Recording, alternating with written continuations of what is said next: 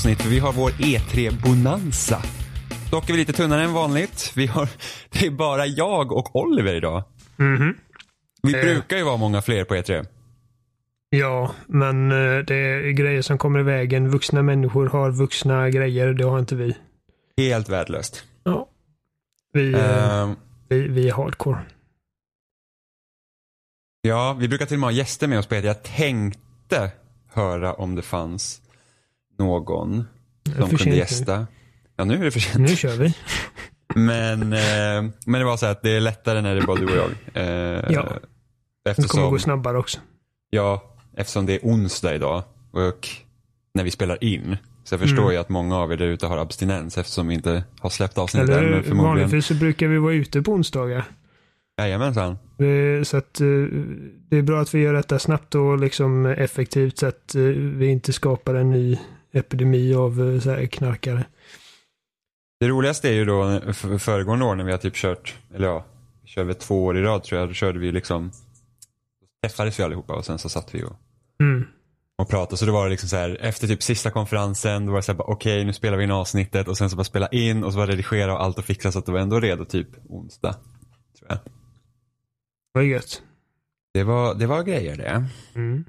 Ja, men då har årets eh, E3 gått av stapeln. I alla fall den punkt att vi har eh, Vi har sett alla konferenser. sett konferenserna och lite annat runt omkring. Även om E3 fortfarande håller på i alla fall idag och imorgon tror jag. Mm. Men det är ju, det är ju mest för eh, folk som är där och eh, journalister och grejer så att de kan testa spelen som har visats upp. Och, att, alltså all, alla, alla avslöjanden är ju över nu. Ja, den vi missar ju alla intressanta intervjuer. Mm. Jo, men det är mycket material att kolla på sen i efterhand. Men vi vet ungefär vad, vad E3 2018 såg ut som. Ehm, Ja, generellt. Så, ja, vad tycker du? Tycker det har varit ganska eh, ljummet i år. Ehm, jag känner att eh, det är mycket liksom löften om grejer som kommer i framtiden. Eh, alternativt liksom djupare blickar på grejer vi redan har sett förut eller redan visste existerar. Som Microsoft hade ju den mest packade konferensen. Som de, det känns väl som att de har haft det ett par år i rad nu. Eh, men det är liksom det är ju mycket, mycket grejer, mycket tredjepart, mycket grejer som vi kommer kunna spela på andra ställen också och eh, förutom Forza Horizon 4 så känns det som att alltså de har väl ingenting i år. I princip. Nej, jag tror inte det. Eh, Ja, nej. Vilket, är, vilket är smått bisarrt. Eh, det är verkligen jättekonstigt. Alltså det, för att, menar, inget, inget illa om Forza Horizon 4. Jag kommer spela det spelet. Jag, jag tycker om Horizon-spelen. Men det är svårt att liksom bli uppspelt över ett Forza-spel för att det kommer ett varje år. Man bara vet det.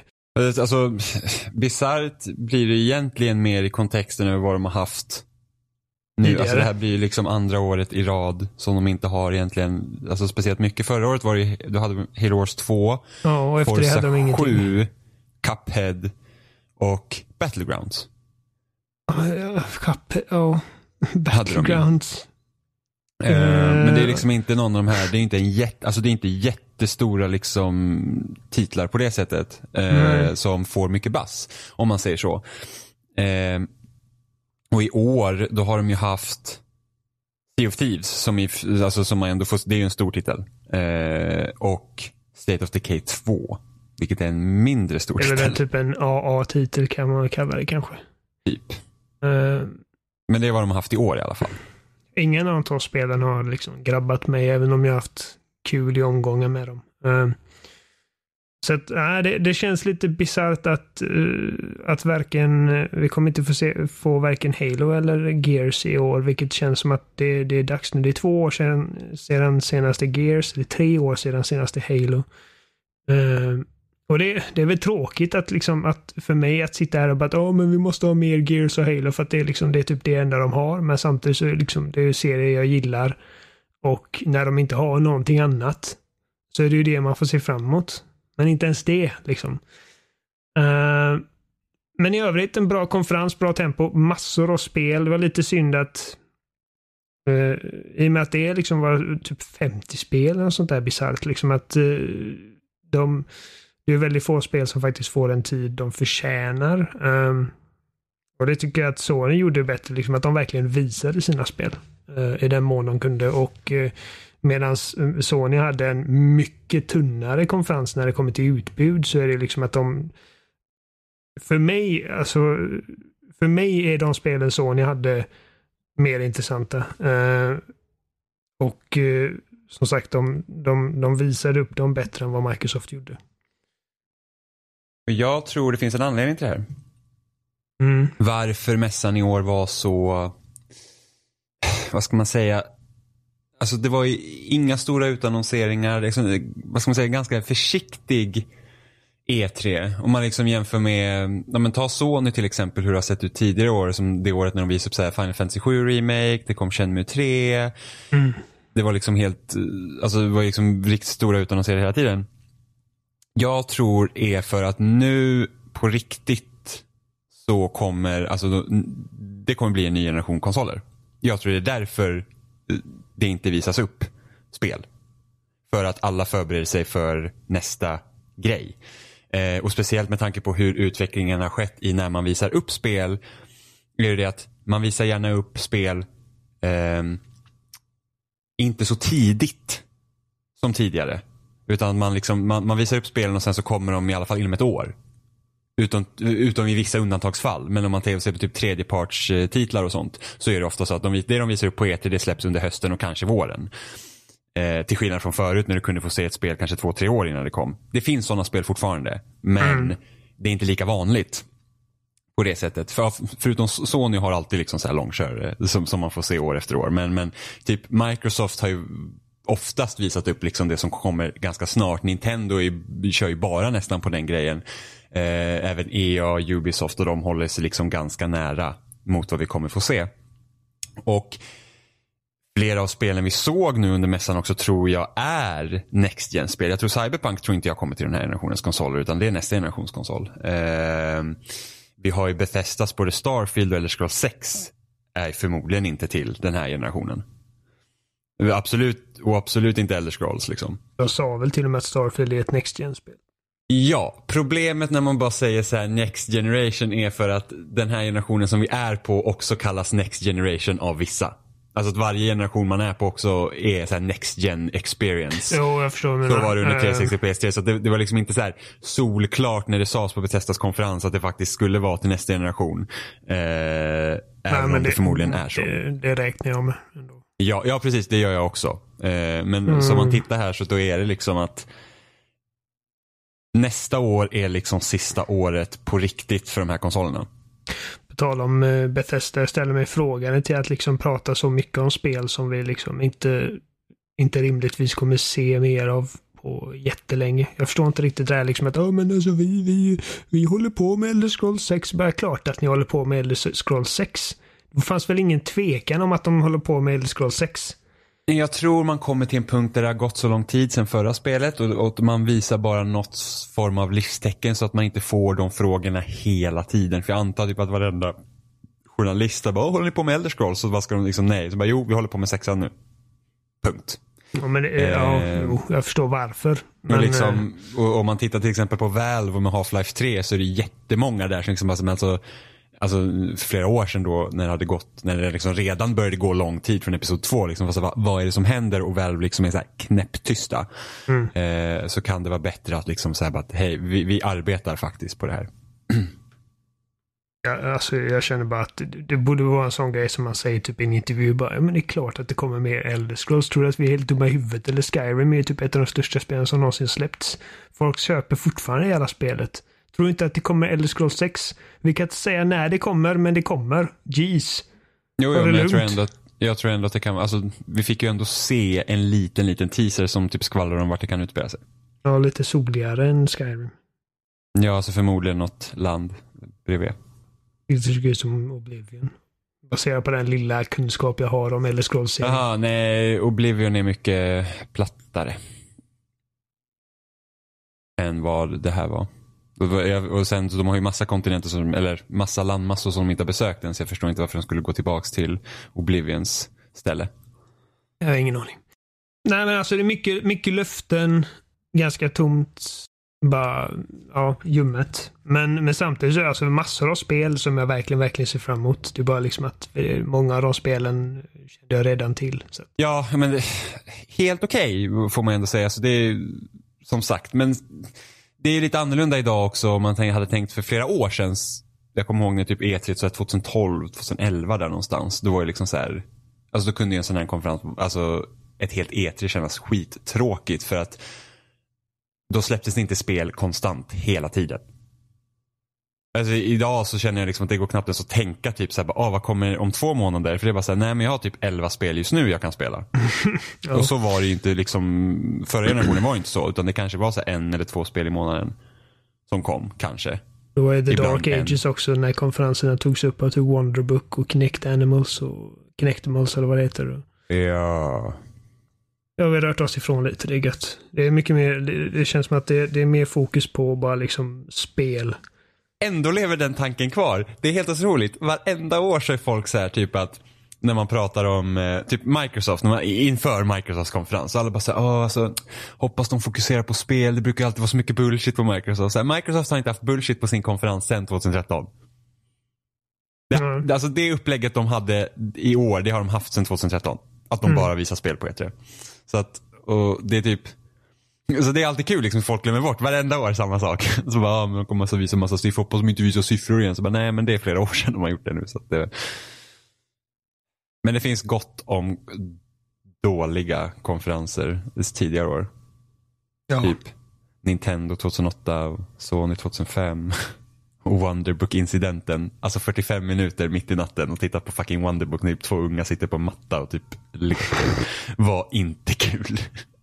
Sen finns det, det, det, kan ju gå liksom, det blir lätt så att det kan bli så dåligt att det blir legendariskt. Uh, som med Konamis. När var det? 2000? Det finns inget dåligt med Konamis 2010-konferens. Det var bara guld. Vad var det för Eller eh, Nintendos eh, Wii Music-prestation. Ja, det, det han som satt och spelade trummor och bara... Ja. Åh, oh, gud. Jag spelade aldrig Wii Music faktiskt. Inte jag heller. Det såg inte ens ut att funka liksom. Alla spelar i otakt. Det ja, låter för man, jävligt. Man behövde typ inte, man behövde typ inte göra någonting här för mig. För Nej, att det skulle man bara, jag ska hålla den här Wiimoten mot munnen som om det vore en trumpet. Men egentligen så borde jag inte, jag behöver inte göra det egentligen. Nej, det är klart man inte behöver, men man får ju leva sig lite in liksom. Ja, men det är, nej, fan vad meningslöst. spelade du, spelade du Warrior Smooth Moves till Wii? ja. Alltså det var så fantastiskt. De, alltså, de förklaringarna var awesome. Ja, men där behövde du inte heller hålla Wiimoten på de sätten. Men det var mycket roligare om man gjorde det. men det, det, det är roligare i så fall. Ja, så sjukt. Så det kommer ett Warrior till 3DS tror jag. Nytt. Om jag inte har helt fel. Warrior, alltså typ min syrra lånade min DS och Warrior till det. Och hon repade min skärm totalt. Oh.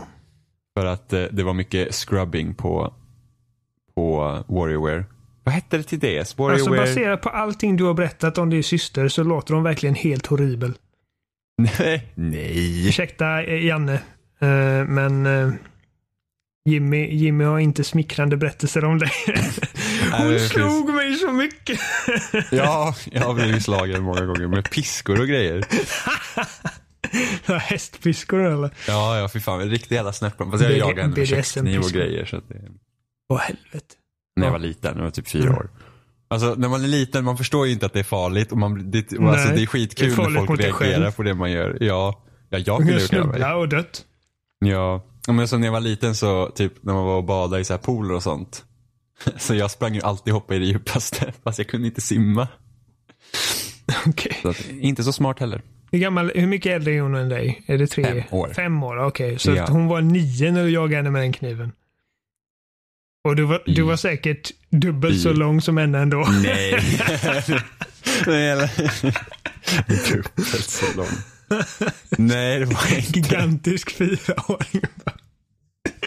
Men det är, det är ofta så här, Alltså tjejer brukar ofta vara längre än killar när man är i samma ålder när man är så liten. Det är möjligt. eh, Du vet när man är typ kanske det. 6-7 år så brukar alltid tjejerna vara längre för de utvecklas tidigare. Mm. Jag har alltid ändå varit längst. Ja, jo, men du, du är enorm. ändå. Så att, Du, du är hög som ett hus. mm. Det är det. Men Ja, okej, nog då det. jag i alla fall, vi ska Spel. hoppa in, eh, vi ska ta alla typ konferenserna i ordning, inte den ordning som eh, som de visades, för att det är lite tråkigt. Utan vi tar, vi kommer köra Microsoft, Sony, Nintendo först. Okej. Och sen så kör vi Bethesda, Ubisoft, Square Enix och EA. Men vi tar Okej. de tre stora först. Okej. Jag tycker vi börjar med Microsoft. Yes. Eh, och de inledde ju konferensen med ett nytt Halo. För, för, för dig och mig som är liksom ändå, alltså man får ändå kalla oss inbitna Halo-fans. Det är ganska rättvist att säga. Vi spelar fortfarande Halo 5 på Ja. veckobasis. Alltså jämt. Och, så att det, det är väldigt spännande när ett nytt Halo visas. Eh, det här ser dock mer ut som en teknikdemo liksom för den nya motorn Fri för Fri har byggt för serien. Eh, och den här trailern säger mig främst två saker. Eh, och det är dels att det här är liksom långt ut. Eh, vi kommer inte få se detta spelbart än på ett bra tag. Har du läst det inlägget de la upp på Halo Waypoint? Ja. För att, för att som vi, för jag spekulerade tidigare var så att, ja men det har varit mycket så att, ja men det kan komma ett Halo 2018, du vet. Med ett Battle Royale-läge. Som vissa har spekulerat men, om. men det, vilket alltså inte stämmer. In, detta var innan vi visste om detta Precis, spelet. precis, liksom. precis. Och sen var det så här, okej men kommer det inte i år så kommer det nästa år. Mm. Tänker man ju. Liksom rent logiskt sett för det har gått så lång tid sedan Halo 5. Tre år sedan i år. I Ja, oktober. precis. Och det brukar ofta gå tre år mellan mainline Halo-spelen. Ja. Men jag tror inte att det här spelet kommer till Xbox One. Jag tror att det här är ett launch-spel till nästa Xbox. Det är möjligt. Eh, Jag bara vet att de i det här blogginlägget de har lagt upp så nämner de specifikt Halo Xbox One-familjen. Mm, fast vi vet ju inte heller hur. Det, det är klart de måste skriva det. Men, Men, men i så fall liksom, eh, så nästa Xbox kommer också vara en Xbox One fast Jag tror inte att nästa Xbox kommer heta Xbox One på någonting. jag tror inte heller. Eh, men jag tror att den kommer kunna spela alla spel som Xbox One kan spela idag. Ja, alltså det vore ju gött om inte annat. För att de har gjort så jävla bra jobb med sin bakåtkompatibilitet. Ja, men jag förstår inte, jag förstår inte ens varför de skulle nollställa det. Det, det Nej. liksom makes no sense. Alltså det är teamet som sitter där och liksom jobbar dag in dag ut för att liksom eh, ta tillbaka gamla spel till Xbox One. Det måste ju vara för jävligt ifall de liksom börjar om nästa Mm. generation. Det, det går ju bara inte. Men jag tror inte att de kan, de kan nog inte skriva det i sin bloggpost för att just nu så liksom vi vet inte vad det är för konsol som kommer komma i så fall. Men jag tror, för att av det inlägget så fick, liksom, det kändes bara så att det här spelet är längre bort än vad man kan tro. Det är inte, alltså, vi fick inte ens liksom ett, så här, åh, det kommer 2019, utan Nej, då är jag blir 2020. förvånad om det är nästa år alltså. Och kommer det 2020, då är jag 100% övertygad om att det är dags för nästa konsolgeneration att starta igång. Om Phil Spencer står på scenen och liksom så bara blatantly säger att vi håller på med nästa Xbox-konsoler i plural till och med. Mm. Varför skulle de 343 känna sig tvungna att liksom ljuga om det i så fall?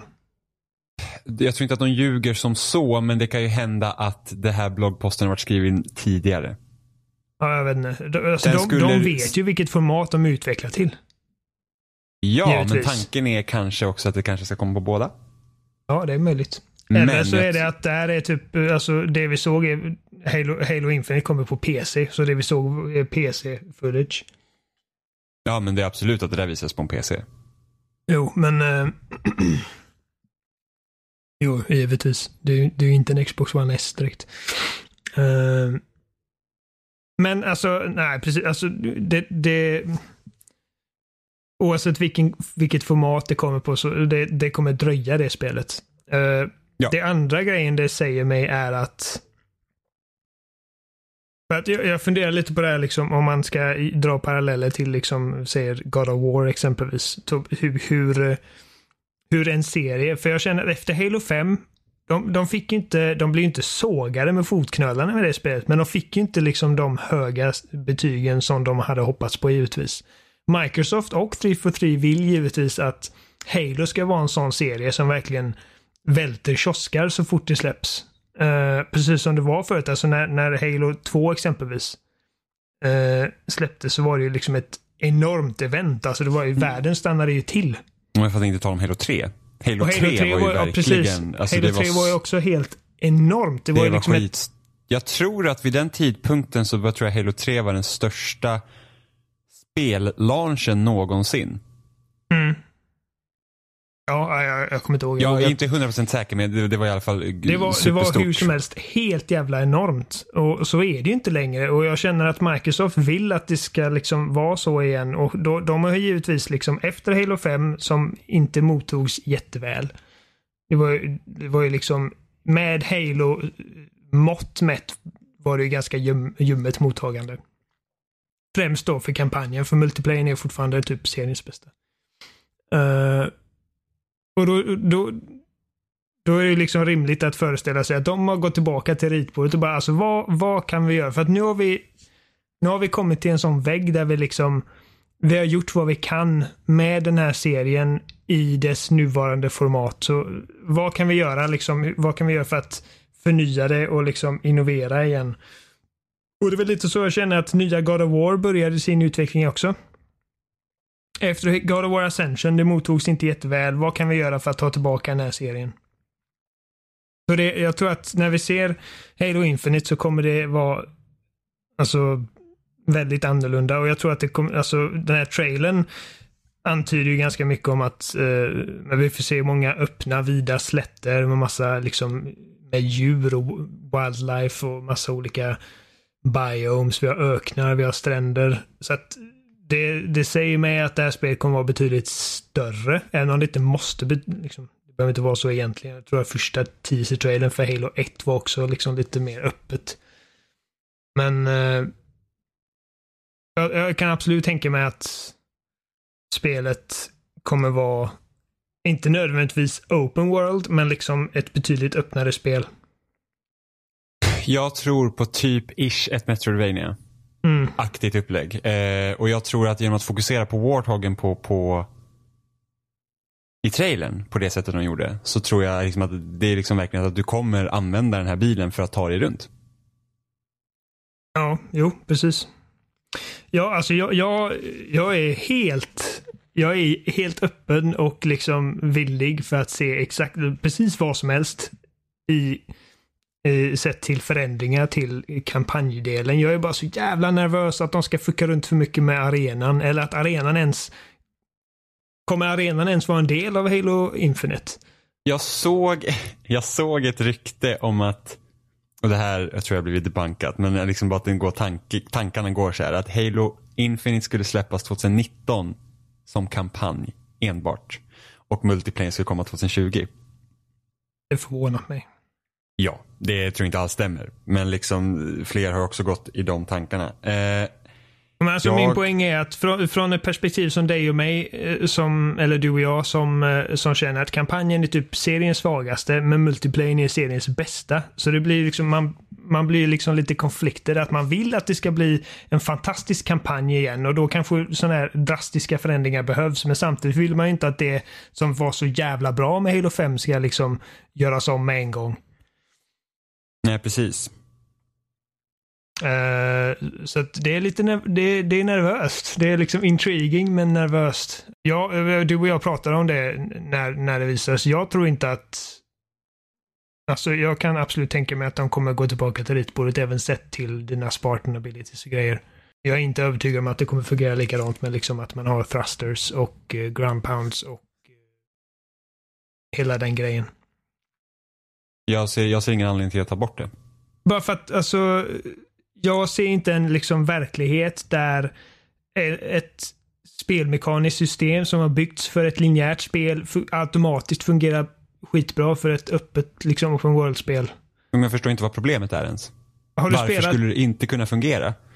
Det hade fungerat, men eh, om du kollar liksom typ dina dina Spartan abilities är ju mycket bättre, mycket bättre designade för arenan än vad de är för Big Team eller Warzone. När du är på ett öppet fält så har du inte mycket nytta av en liksom, fraster som drar dig åt höger i en meter. Uh, så jag tror att men alltså, det är som du säger, alltså det, det, det hade ju fungerat. Men jag ser det liksom, jag, jag, kan inte föreställa mig en verklighet där en sån drastisk förändring till liksom eh, storlek och scope inte medför drastiska förändringar för hur liksom man rör sig i den världen. Men jag hoppas ju liksom att, att de inte fuckar runt för mycket med Ja, sprint och clamber lär ju vara kvar oavsett. Jo, jo. Men det, kommer, men det är bara att det kommer finnas arenor. Det är inte liksom bara, för att det är en öppen värld så är det inte bara att det är två, liksom en stor åker. Vi får se helt enkelt. Jag... Det enda vi vet liksom... just nu liksom- är att det ser väldigt snyggt ut. Ja, men ta bort boosten till exempel så gör ju inte, alltså du, du kommer inte, du är fortfarande sårbar på längre avstånd. Mm. Oavsett, så det gör ju ingen skillnad. Så därför kan det vara kvar. Och det kan vara kvar, absolut. Sen får man ju se om det finns några nya abilities som gör att det ska vara enklare att springa över eh, långa distanser. Mm, det kan ju, sådana utbyte, utbyten kan göras. Uh, det sista jag vill säga om Halo Infinite är att det, alltså, den här motorn ser väldigt imponerande ut. Det är grymt snyggt. Uh, bara det hur, uh, hur detaljerade de olika texturerna är och typ när vattnet kommer in mot, eh, mot stranden och liksom hur vattnet blir liksom skummigt vid kontakt vid, med sanden och hur man ser liksom att den här delen av stranden är liksom blöt sand och där uppe längre upp är det torr sand. Det ser jättesnyggt ut. Mm. Uh, en sak jag bara undrar, hur ska de alltid göra så här nu när de visar ett nytt Halo? Att först liksom hinta något annat och så ser man Master Chiefs hjälm och så bara åh! Eller hur? Det är ju samma med Halo 5. Samma sak med Även... Halo 4. Halo 4 var ju uh, Forward Unto Dawn eller vad det heter. Uh... Och de gjorde det två gånger i Halo 4. Första gången när man, när Poncho Chief, när han gick i stranden. Det var Halo 5. Eller på sanden. Var det Halo 5? De gjorde okej. Okay. Just det, Halo 4 såg man något annat och så, så fick han man höra såhär wake up. Wake up John. Precis, så var det. Och för Halo 5 var det Ponchon. Mm. Precis. Uh, ett frågetecken alltså. Har det funnits? För att vi vet att spelet utspelar sig på en ny Halo-ring. Mm. In, inte bara med tanke på liksom hur Halo 5 slutar med Legendary-slutet, utan även man ser det i trailern, liksom att det här, det här är en ny ring. Har det funnits djur på Halo-ringar förut? Uh, nej, men Halo-ring nummer sju har det. Uh, Jävlar, du har läst på. Jajamensan. uh, Så det finns en Halo-ring som har haft eh, liksom djur och sånt på sig och även människor. Så okay. att eh, den skriften man ser där kan ju vara typ ett utvecklat språk. Ja, för det var också en konstig grej. Liksom, det finns typ så här, liksom, runor inne i, eh, inne i en grotta någonstans. Jag bara, ja, ah. så att, hej, så, eh, om inte jag kommer ihåg fel nu, så Halo Ring 7 användes av Forerunners för att försöka hitta ett botemedel till Flood. Så att det finns även en möjlighet att Flood kommer med i det här spelet. För att det finns, det, det så finns ju folk som har, som, som har uttryckt sig liksom att uh, vilja att se en, ett, en return av Flood och jag bara, alltså jag vill aldrig mer spela ett spel med Flood i sig. Nej, men aldrig någonsin. Det, fin, det finns en chans att det finns Flood på oh, Halo Ring 7. Absolut, ja. Eh, och jag kan tänka mig att de kan göra något intressant med Flood istället för att eh, Istället för att gå på samma grej som... Mm. Eh... Jo, det finns ju inget som säger att det måste vara exakt som liksom, det bara, att man bara skjuter massa popcorn. Utan... Intriguing i vilket fall. Vi får se. Det är ingen idé att tänka för mycket Nej, på Halo. Alltså Halo-låren liksom. är ju liksom helt fakt oavsett. Alltså det, förhoppningsvis så behöver man inte liksom sitta och typ plugga in alla böcker och typ läsa terminaler i en evighet för att förstå storyn som det var både i typ fyran och femman. Nej, jag tycker att de har skjutit sig själva i foten lite med att ha liksom så stora delar av berättelserna centrerade på liksom sån här liksom skit som man kan läsa i böcker. Alltså, det absolut bästa med Halo 4 och det som fick Halo 4 att fungera så väl som det gjorde i kampanjen var det här liksom intima förhållandet mellan Master Chief och hans typ enda vän i hela universum som håller på att dö. Ja. Det är liksom simpelt, det är lätt att förstå. Du behöver liksom inte veta vem Cortana är eller vem Master Chief är för att liksom förstå att det här är liksom en big deal. Och sen så kommer typ Didact med The Cryptum, en stor boll som åker runt och det är liksom man möter The Librarian och man får någon kraft och man bara, jag fattar inte ett skit av vad som händer. Tänk om hela den här Halo-trilogin bara hade gått ut på att, uh, att uh, Master Chief ska hitta ett botemedel för Cortana. Ja, det hade varit coolt. Det hade varit enda. Det behöver inte vara att hela galaxen sitter på spel utan det hade varit liksom tre spel som handlar om det. För då hade, då hade slutet i Halo 5 fungerat mycket bättre. Mm. Och jag, jag absolut avskyr slutet. Så slutet i Halo 5 är det att Cortana egentligen är typ nu Omera ond och någon jävla super-AI liksom.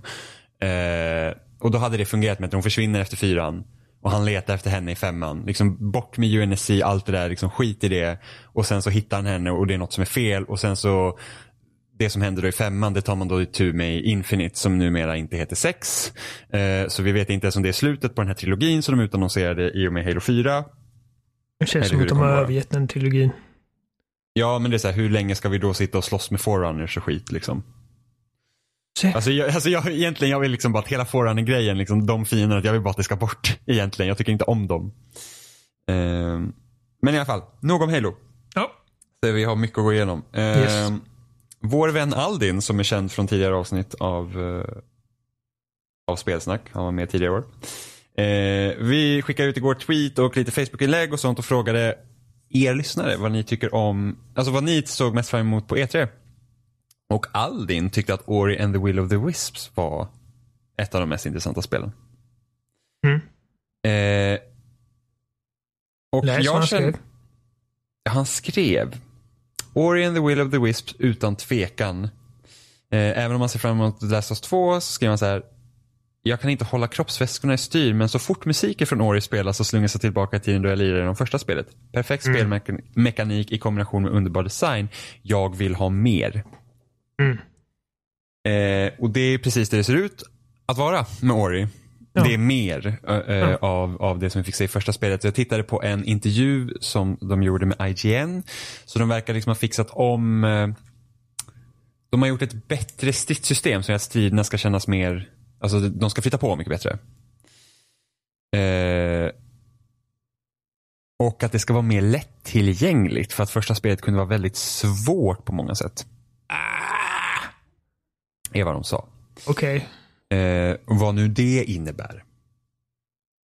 Ja, alltså jag, jag ser fram emot uh, Ori, eller rättare sagt, jag kommer spela Ori och jag är säker på att det kommer vara bra. Jag älskar det första, men det är ett sånt spel som jag känner att jag inte riktigt behöver en uppföljare till. Även om, som sagt, jag kommer spela det, det kommer säkert bli bra. Det är bara ingenting som jag känner att jag kan liksom bli så jätteupphetsad men det är grymt alltså, vackert. Och, jag, alltså, och när det är temat igång så är det liksom bara åh, fan vad bra det här temat är. Jag känner ofta det så här med typ indiespel. Eller att det här att när de gör uppföljare till sina spel känner jag så här, nej vad synd. Liksom, du vet, för att ni hade kunnat göra något annat. Vilket är liksom så här, klart de ska kunna göra en uppföljare om de vill det. Liksom. Ja. Alltså, Ori, alltså, jag tror det bästa med Ori absolut hur checkpointsystemet fungerar. När man sätter ut egna checkpoints. Helt fantastiskt. Och då funkar det också att det är liksom lite svårare. Bästa idén med hela spelet. Ja. Eh, samma sak med typ så här Unravel. Var också så här nu, kort efter att första Unravel släpptes så utan att säga så bara, ah, men det kommer en tvåa också. Jag var så här, ja, behöver vi ett Unravel 2 liksom?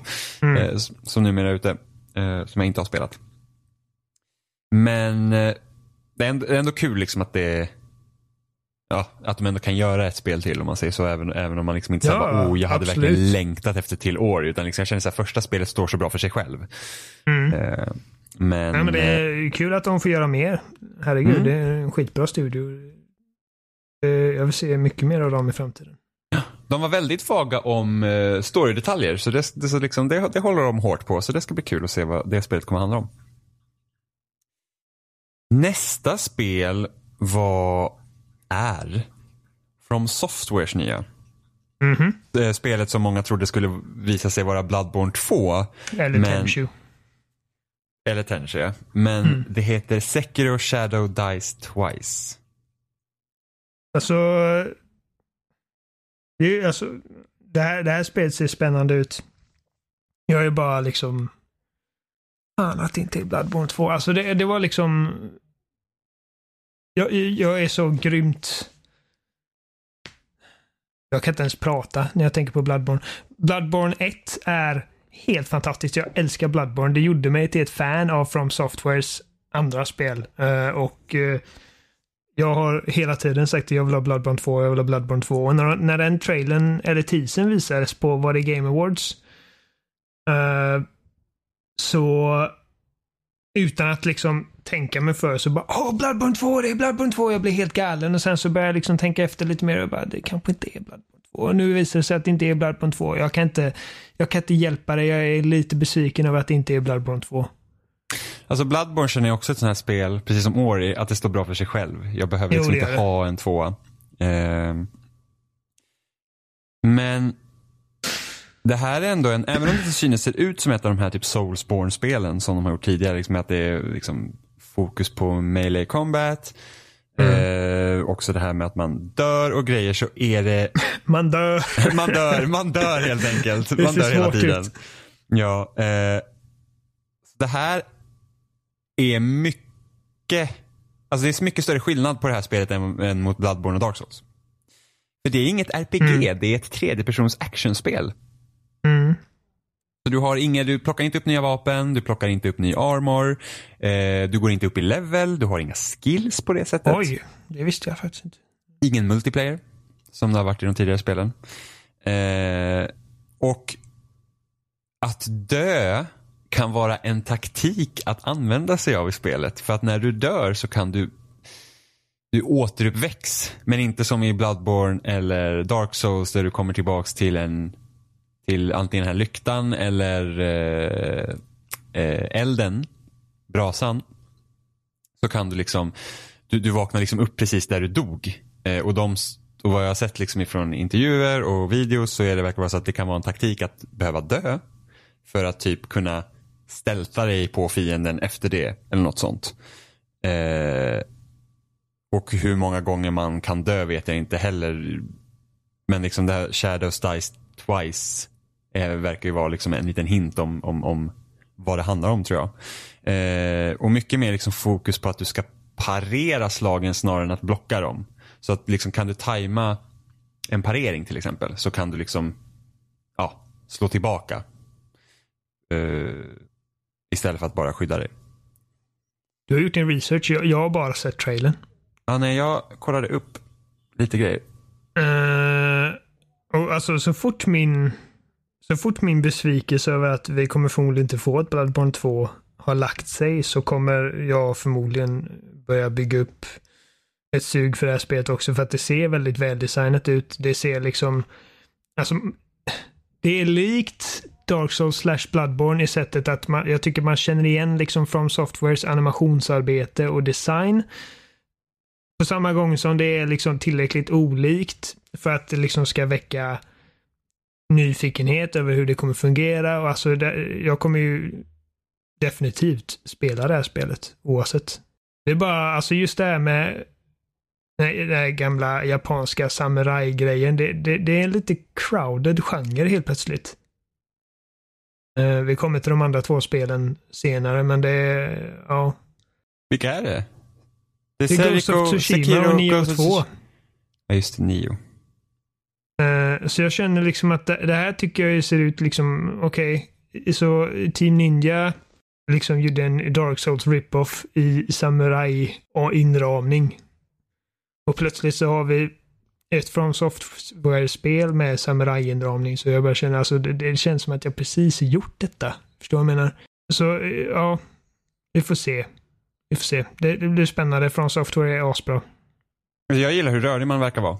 Mer ja. man har typ någon sån här grapple hook och kan liksom, alltså, man är inte så himla klumpig. Man, man är liksom inte eh, fastklistrad till marken på samma sätt. Nej, så att, eh, men annars, alltså rent visuellt så tycker jag att det är ganska grisfult, ärligt talat. Jag, jag, jag vet inte. Ja, det... alltså, Bloodborne har ju en fantastisk stil till sig. Liksom ja. hela den typ viktorianska typ skräck ja, looken om man säger så. Och det här är, så här, det är så här, lite urvattnade färger, lite så här, det ser nästan ut som en så här, alltså jag får typ tankarna till, vad heter det, de här eh, kassaspelen med, som har typ en miljon fiender på sig på skärmen och så står man Dynasty Warriors. Nej, Dynasty Warriors. Ja. Precis, det känner jag. Det är liksom typ de vibbarna jag får den här stilen. Nej, riktigt så känner inte jag, men, eh, men jag håller med om att det är liksom rent visuellt är det inte alls lika spännande som ett liksom Dark Souls eller Bloodborne. Nej. Men eh, men ja, alltså jag kommer hålla ögonen öppna på det. Och det du berättar om det, om liksom själva spelmekaniken i det, det låter spännande. Um, jag är lite förvånad över att det inte är att du inte kommer kunna levla upp och att du inte kommer använda vapen och grejer. Liksom att det, det verkar mycket mer simpelt liksom på, eh, på ett ytligt plan. Ja, alltså mycket kommer ligga i den här armen du har. Den mm, kan du liksom modifiera. Den olika... Ja, den kan du modifiera så att det, det jag antar att det kommer vara lättare att så byta on the fly också mer än om det ska vara liksom ett mer actionorienterat spel. Mm, Eller snabbare att, eh, actionorienterat spel. Det ser också ut eh, som du sa, liksom med pareringar och grejer. Sånt, alltså, det var ju typ, det är ju min favoritgrej att göra i Bloodborne och Dark Souls, att parera fiender med pistolen eller skölden. Eh, och verkligen bara äga dem. Så det, det kommer man ju säkert få leka med i detta. Ja. Eh, nästa spel är ju typ Microsofts lågoddsare för vad som ska visa på mässan och det var ju Forza Horizon 4. Just det. Eh, och jag tror de två största nyheterna i det här spelet, först och främst säsonger. Ja, precis årstider. Ja. Precis, för jag har ju mm. alltid varit jag har alltid velat haft ett, ett, eh, Horizon som ska utspela sig när det är snö. Bortom DLC som kom då. Ja, men precis. Men att man har, så att jag, jag hade egentligen velat haft ett Forza Horizon i Norge. Eh, men det här ska utspela sig i Storbritannien. Och jag vet, God inte om, jag vet inte om primära fokuset ligger på Skottland, även om det är en del där. Men det, det är liksom så här, Storbritannien. Eh, det kan man säga lite olika delar. Ja, eh, precis förmodligen inte hela Storbritannien.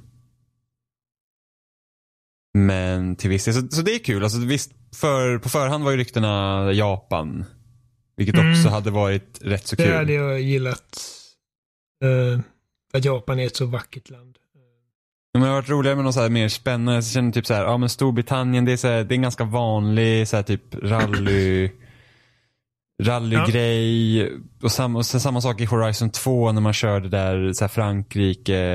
Det är också så här, ja det, det, är klart man liksom oh, har Vi har den... gått från Colorado till eh, typ eh, syd, sydra, väst-sydeuropa antar jag att det var. Eh, och till Australien, till England. Eh, det har varit roligt att se någonting lite mer exotiskt. Eller något som inte är så vanligt känner jag. Alltså mm. Australien var ju inte vanligt. Det kändes ju ganska liksom, så wow. Liksom. Samma känner jag att hela det här konceptet med en Horizon, eller en bilfestival liksom i Colorado, USA. Det var också spännande. Alltså jag, jag tycker, jag, alltså min favoritvärld i Horizon-spelen är ju första spelet. Jag, och då var det också så hösttema. Och så, jag, jag älskar den kartan. Eh, och tvåans karta var jag inte alls lika förtjust i.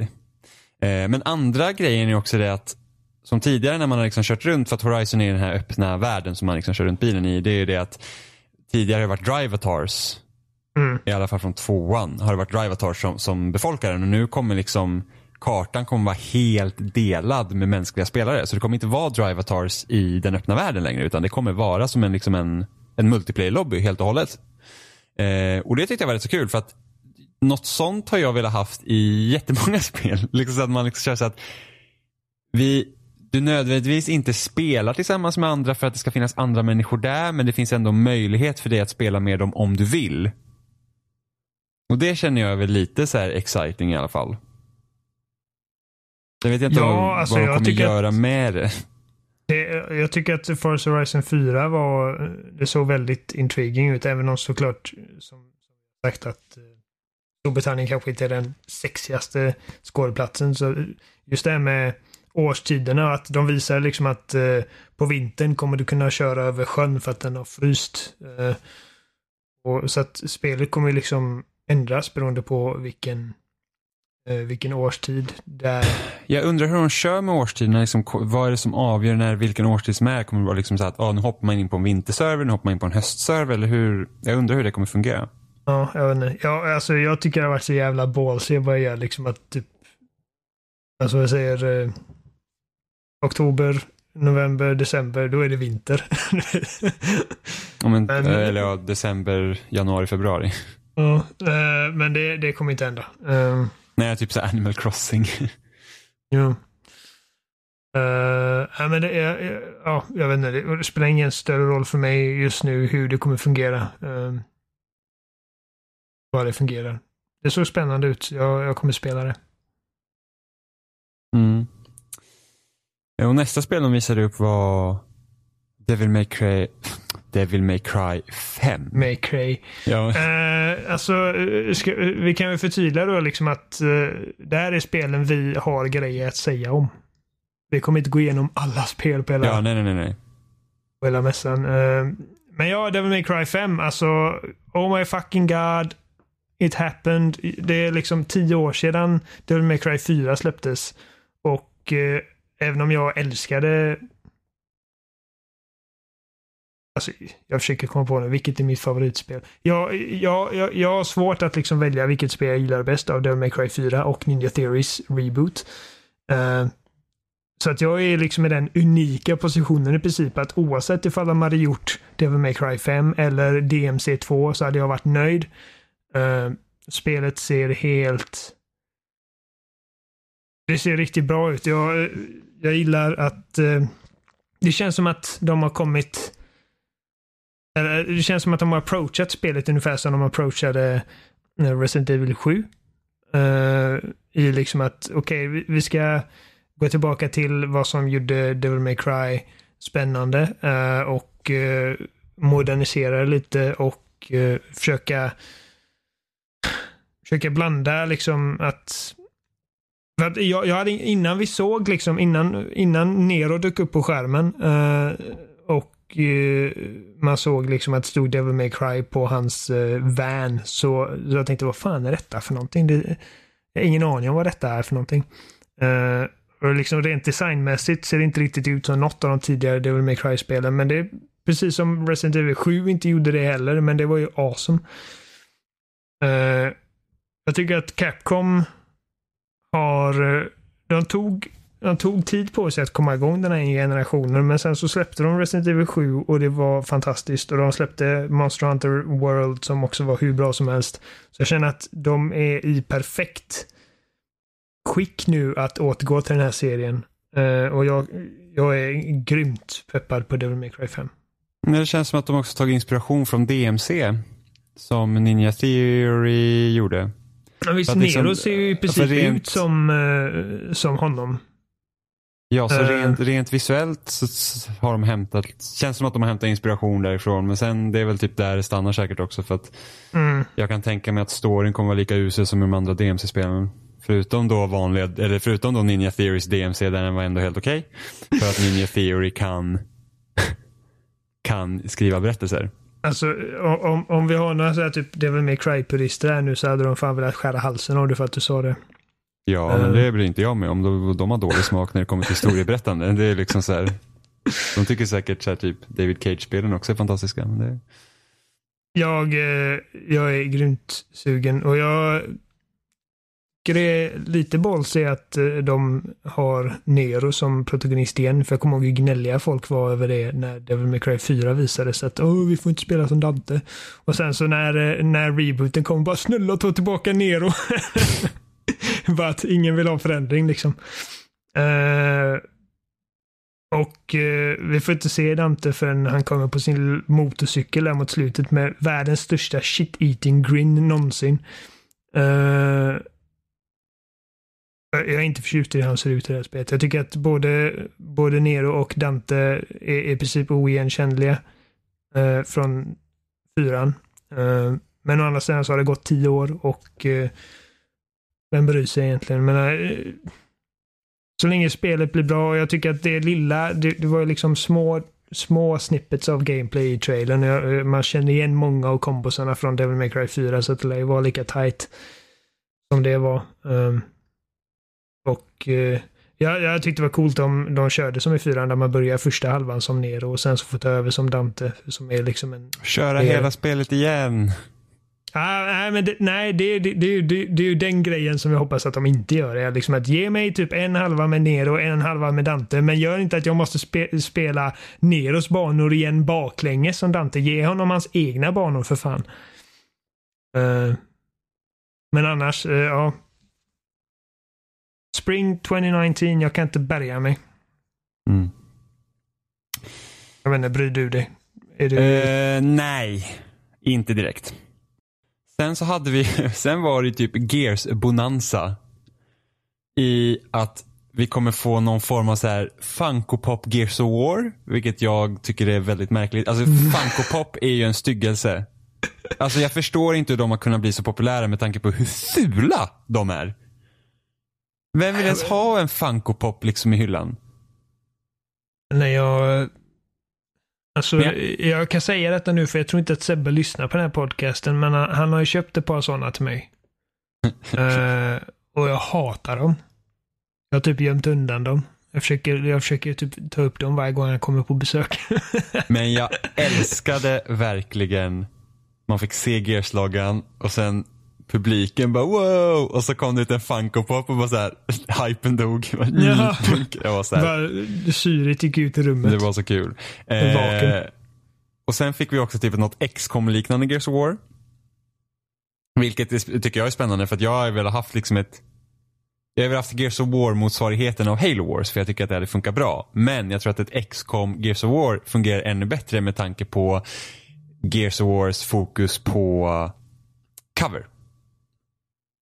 Eh, ja, precis. Så, så det var ju som jag sa att eh, jag känner att Halo gjorde sig jävligt bra i det här liksom realtidsstrategiformatet. Men jag tror att Gears, den här XCOM-varianten är nog rätt för Gears. Eh, och liksom vad kärnan i den serien innebär och liksom vilka sorters eh, jag är inte så, jag är, jag är personligen inte intresserad. Jag, jag, den typen av spel tilltalar inte riktigt mig. Men eh, men för dig lär det vara, du, du, du gillar XCOM. Och du Ja, gillade gillar XCOM, Mario, Kingdom, Rabbids, bla bla. Ma- Mario plus Den Kingdom, typen av nej, spel. Mario plus Rabbids Kingdom Battle. Just det. Jag Eh, gillar. jag har dock hört att eh, att spelet inte kommer komma till Xbox. Det är möjligt. Jag har Att ingen det, aning. det är ett PC-spel. Vilket låter konstigt. Eh, ja, det är väldigt sant. märkligt med tanke på att XCOM fungerar utmärkt på konsol. ja, och Gears of War är liksom en Xbox-franchise. Även om det finns på PC också nu. Men...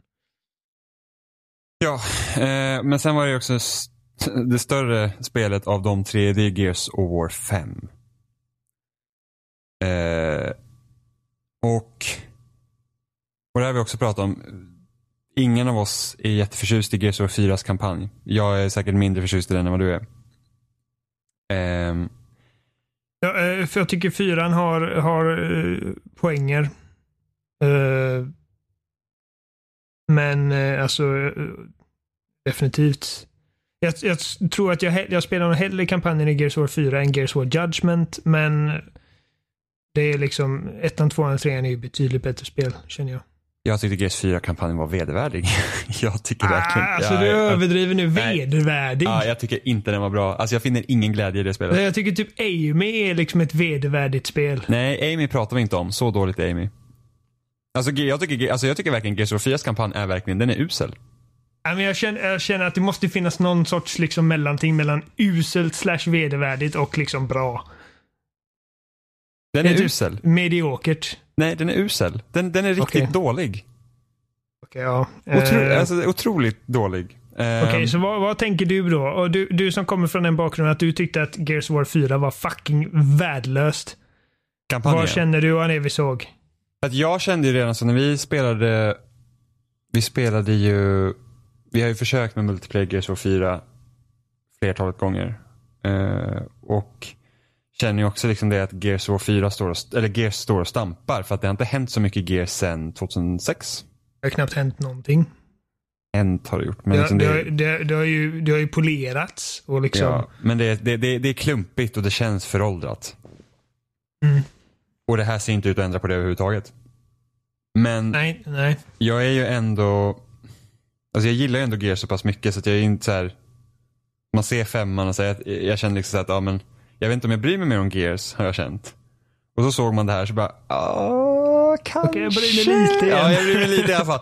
Ehm, men så största, största problemet med fyran, ja, förutom då att det inte var så kul att spela, var ju det att de här nya karaktärerna var ju liksom, de var också vedervärdiga. Ja, det, där, Eh. där är jag enig. För jag tycker att liksom JD, Dell och Kate är fucking horribla. Och jag tror största problemet med varför det blev så i Gears 4 var för att spelet utspelar sig bara under ett dygn. Liksom, Vad kan hända med ett par karaktärer under ett dygn? Och just det här med att de inte liksom tog, alltså det känns som ett stort skämt. Inge, inget togs på allvar. Och av, ja, den här, och av den här trailern där man fick liksom någon form av cutscene så verkar det ha hänt en del saker. Och det liksom, de försöker Ja. på någon form av emotionell punch. Och det verkar också vara som att Kate verkar vara den huvudsakliga huvudpersonen. Jag vet, min första reaktion var, eller mitt första antagande var att du kommer spela liksom som dels eh, Kate och Dell och sen så Marcus och JD. Men alltså, ju mer jag tänker på det och ju, ju mindre, för att folk pratar liksom inte om JD i det här spelet. Så jag, alltså, kommer Kate vara den enda liksom protagonisten i spelet? Kul att spela som Kate och Dell. Pekar väl ändå mot det. Jag menar, Ja. nej, alltså jag menar, Kate och Dell suger, men jag menar det, betyder, det, det behöver inte betyda att de kommer suga i det här spelet. Jag tycker att i den trailern vi fick se, det lilla vi fick se av Gears War 5 har mer drama än hela Gears War 4 i princip. Ja. Eh, Eh, och det är lite sak som är synd där med, med hur fyran utformades. För att nu liksom, till exempel JD, nu har han ju fått liksom ett stort R på kinden och han, något har hänt med hans Ja. arm. Och sådana grejer. Det är liksom så att det hade varit kul att se saker hända i fyran. Som sen översätts rakt över till femman. Okej, men säg att JD blir skadad liksom där. Då vet vi det. Mm. Och sen har det hänt saker emellan. Men nu har liksom han blivit skadad utanför spelet till exempel. Eh, så det hade liksom, att kunna brygga de två spelen, det hade kunnat ske liksom snyggare då, alltså bara rent på ett konceptuellt plan. Ehm, men också det att, för att Gears of War 1 var egentligen tanken att inte vara ett linjärt spel. Det skulle ju vara, du skulle ha en hubbvärld och sen går, och varje de, av de uppdragen, eller de banorna som finns i Gears 1, det var liksom uppdrag från den här hubbvärlden. Eh, och den, det fordonet vi såg i trailern Mm. har jag Typ en läst. eh, ja. segelsvävare. Typ. Precis. Det är Ja. inte en bana som du kommer köra den en grej, utan det är en återkommande grej. Så det Ja, men det är väl typ som båten i God of War. Precis, så jag funderar också på det. Kommer det här liksom spelet vara typ semi-öppet? Ja, och det, ja. Men bara det gör mig liksom mer intrigued än någonting med fyran. Alltså. Ja, Ja, det ser då- spännande ut. för då jag, kanske- Då förhoppningsvis blir det inte det här liksom att du bara går liksom igenom midjehöga covers och skjuter igenom hela kampanjen Mm. och bara Precis. Bö. och jag, jag, jag känner att liksom. Precis som du så hatade jag verkligen hur han liksom bara skojade bort allting i Gears of War 4. Det fanns ett skämt som fungerade i Gears of War 4. Eh, och då är liksom sten, sax, påse skämtet. Det var faktiskt, det var faktiskt roligt. jag skrattar bara Ja, ja, men det var kul. Men allt annat liksom, varenda, alltså varenda quip, varenda typ bara oh come on, oh don't jinx us man, oh, oh. Vi håller på att dö här, vi bara ska bara skämta bort allting. Jag hatar verkligen det. Och nu, jag inser att jag låter som typ världens största DC-fanboy, att allting ska vara mörkt och Marvel bara skojar bort allting. Eh, så är det inte riktigt. Jag, jag, jag känner att Gears of War är en sån... Det, det, det är klart att det kan få finnas skämt, men inte, liksom inte hela tiden. Liksom, låt, låt någonting kännas seriöst. Och Gears of War 5, det vi såg där, det kändes verkligen seriöst. Uh, ingenting skämtades bort. Eh, uh, JD är liksom inte den här typ, bara det att okej, han, han ser fortfarande ganska generisk ut, men han har i alla fall någon form av liksom distinct features. Eh, uh, raka skalle, stort R och han har liksom en arm som är borta och han är liksom vresigare och han har kommit in i den här ledarrollen och typ skriker order vilket ger honom lite mer djup. Precis som Alltså en av de mest eh, spännande eh, replikerna i hela hela den demon var när Kate pekar ett vapen mot L och bara liksom varför följde du med mig? Vad, vad, vad sa J, JD till dig? Liksom just det här typ konflikten mellan karaktärerna som helt saknades i förra spelet. Ja, och typ en av de dummaste grejerna i fyran var också det så att när man är nere i underjorden typ. Och sen ska Mm. man åka upp de här, den här kranen när man åker upp den här väggen. Ja, Och typ Marcus först säger till JD så här, att, nej men alltså vi måste typ tänka igenom det här. Och han bara, nej men lita på mig. Varför tror du aldrig på mig? Men det är för att du är dum i huvudet. Du har ju ingen plan. Det här är inte bara liksom här typ school field trip där man säger, ja ah, men vi gör kumbaya eller någonting. Utan det är så Och här, bara så jävla misslyckas ni så dör ni. Det är liksom, det är den, det allvaret jag liksom saknar det för att man tänker ändå, det finns mycket problem med del 1, 2, 3 också. Liksom, Ja, ja. Det, det, men, men det, det är fanns... inte Shakespeare direkt. Nej, nej det är inte. Men det fanns ett allvar i de spelen och man märkte från första spelet hur trötta alla var på kriget. Ja, Och, det, och, liksom, Precis. och, och den intressantaste delen i fyran var ju det här att okej, det har liksom Locust är borta. Någonting nytt händer. Holy shit. Liksom det ja liksom det börjar grejen. om igen. Ja, och sen så bara, hur påverkar det karaktärerna? Först de veteranerna som inte har liksom, som har kunnat ha haft fred nu ett tag. Vilket de typ adresserade på det sämsta sättet de möjligtvis kunde. Och sen, vad betyder det för de nya karaktärerna som har hört talas om den här liksom skräcken som fanns tidigare, men de har inte behövt se det. Men det är liksom, nej, det var bara liksom, woo, fun and games helt- typ. Så Alltså, tråkigt. Jag älskar när Marcus säger typ att åh, jag har saknat dem. Eller nej, Cole säger jag har saknat Ja, dem och Marcus de- bara, man I know bara- what you mean. Ja, eller hur? Man säger Du bara- har inte saknat dem. Nej, och det var liksom så här. Det kändes bara som en stor jävla käftsmäll mot hela serien. Så här, att det- Ja, det, bara men sen- lättsamt. Ingenting tas på allvar. Allting ska skojas Mm. bort. Och eh, jag menar, alltså det fanns ju humor i de första tre spelen också. Ja. Eh, men då kom det liksom mest från Cole.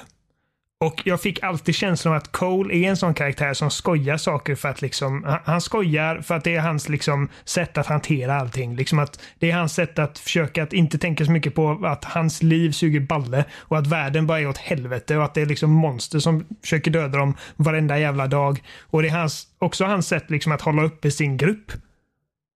Liksom att, att pusha dem vidare liksom. Och, eh, det- det finns ingen sån, liksom, inget sånt djup. Och, det, och i i Gears of War 1, 2, 3 finns det liksom massor av ögonblick som verkligen är typ att holy shit, det här är seriöst. Eh, ta typ den här scenen med uh, Doms fru i Gears of War 2. Och den konflikten som hela tiden är mellan Marcus och Dom som man vet är liksom typ bästa vänner i hela världen. Och där Marcus är liksom, vi måste fortsätta på uppdraget och de bara, men alltså jag vill hitta min fru, jag skiter i allt annat. Och den liksom back and forthen. Eh, och även i Eller Gears of War typ- 3. Ja, thrashball-scenen tänker jag där. Ja, precis. Eh, eller när de dör. Liksom. Det, det är en sån cheesy scen, men man känner ändå någonting. För att det är liksom, det, det är typ min, det är min bro, liksom. Det är min kompis. Ja, därför blir jag Eh. alltid så här lite, när folk avfärdar Gears of War som bara bro-shootern. Men det, Inte för att det, det, det, ser inte ut att, som en bro vet. shooter. Det ser ut som det och inte för att det inte finns sådana, typ, ta, ta typ den sämsta karaktären någonsin, Griffin från Gears of War 3. Alltså verkligen så här. alltså jag hatar honom så mycket för det går liksom allt emot vad jag gillar med Gears. Ja, och, ja, han är faktiskt värre än Oscar. Oscar är bara så här.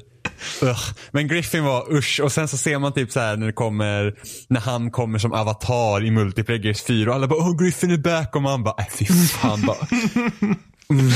Alltså blir så himla irriterad. Men det är Eh, lätt att liksom avfärda det för att det ser ut som en och det, liksom de här catchphrases är typ som bara "Åh, scratch one bro och typ hela den skiten i jargongen. Men Ja. det finns djup där under som inte fyran någonsin liksom vågade liksom doppa tån i. Och Ja. det ser ut som att de gör det med detta spelet.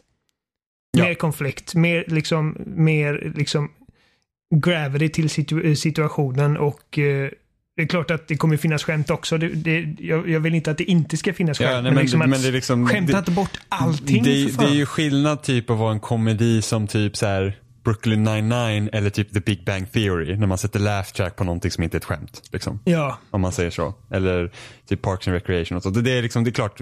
Alltså, komedi, komedi kan ju höja upp dramat om man säger så. jag gillar också bara hur karaktärerna ser ut. Det är en sån liten grej egentligen för att liksom, det borde egentligen inte spela någon större roll hur karaktärer ser ut. Men alltså de såg fan usla ut i första spelet. JD var bara typ, jag har typ kort hår och inget annat. Och det är typ min grej. Jag ser ut som typ vilken människa på hela planeten som helst. Och Kate bara, åh min fula jävla skitmössa som jag vägrar ta av mig. Och det var bara... Alltså jag hatar hur karaktären ser ut i Gears of War 4. Men nu är det liksom, de, de ser lite mer distinkta ut. Kate har slängt bort sin jävla mössa. Och nu har i och för sig JD en mössa, men ja. Ja, det, det är ändå han, vinter liksom. Han, blev skallig, Eh. han var lite, nej Dell har mössa. Ja, Dell precis. Ja. ja. Eh, Eh, precis. och jag, det är liksom att Dell säger typ att jag vet att hon kommer inte förråda oss. Men tänk om det inte är hennes val. Det är bara liksom, liksom intressant liksom underton i liksom som, som omringar eller inringar kontexten i vad som händer i spelet som liksom det är en simpel grej men det, det gör det mer spännande. Bara Mm. det. Och det fanns inget sånt i fyra. Så att jag, jag, jag är liksom jag har gått från att liksom, okej, Gears of War betyder, det finns ingen plats för Gears of War i mitt hjärta längre till liksom, okej. kanske, du vet. Mm. Det ser bra ut. Ja, det gör det. Du hade någonting att säga om Metro Exodus. Ja, har inte du det? Nej, jag har Varför? verkligen inte det. Nej, men jag var så här, det vi såg, det vi såg liksom den här gången var typ så här, ja, alltså vad, vad säger det här som vi inte såg från typ förra året? Ja, nej, alltså det, det vi såg på Microsoft-konferens sa inte så mycket, men utvecklarna har lagt ut en 20 minuters demo. Okej, På ja precis. Det har jag, inte, jag har inte tittat för att jag brydde mig ärligt inte. Det spelet ser fan spännande ut. Alltså, eh, var ska jag börja? Min första, största takeaway, liksom att de bekräftar att när vi såg det på förra årets eh, Microsoft-konferens så kände vi att det är open world, men det bekräftar de i efterhand att så är det inte, utan det fungerar som så att de har liksom stora, enorma banor. Alltså verkligen skitstora banor där du är fri liksom att gå lite och, typ, och göra dina objectives. Eh, och sen kommer de stora områdena knytas eller vävas samman av mindre, mer linjära, traditionella metrobanor. Eh, och eh, det, alltså, det, det tycker jag låter skitbra för att liksom, Open World är spännande men det har gjorts så jävla mycket Open World-spel så varje gång man gör liksom ett spel som drar nytta av uh, spelarfriheten och uh, liksom utrymmet i ett Open World-spel utan att på samma gång falla i liksom alla fällor som kommer med den genren. Det är liksom skitbra för mig. Eh, jag gillar också att i det här spelet kommer du kunna Ungefär som i Crisis, alltså den typ mest underskattade funktionen i Crisis-spelen är liksom att du kan typ byta ut attachments och eh, så här olika sikten och uh, gun barrels och grejer på ditt vapen precis när du vill.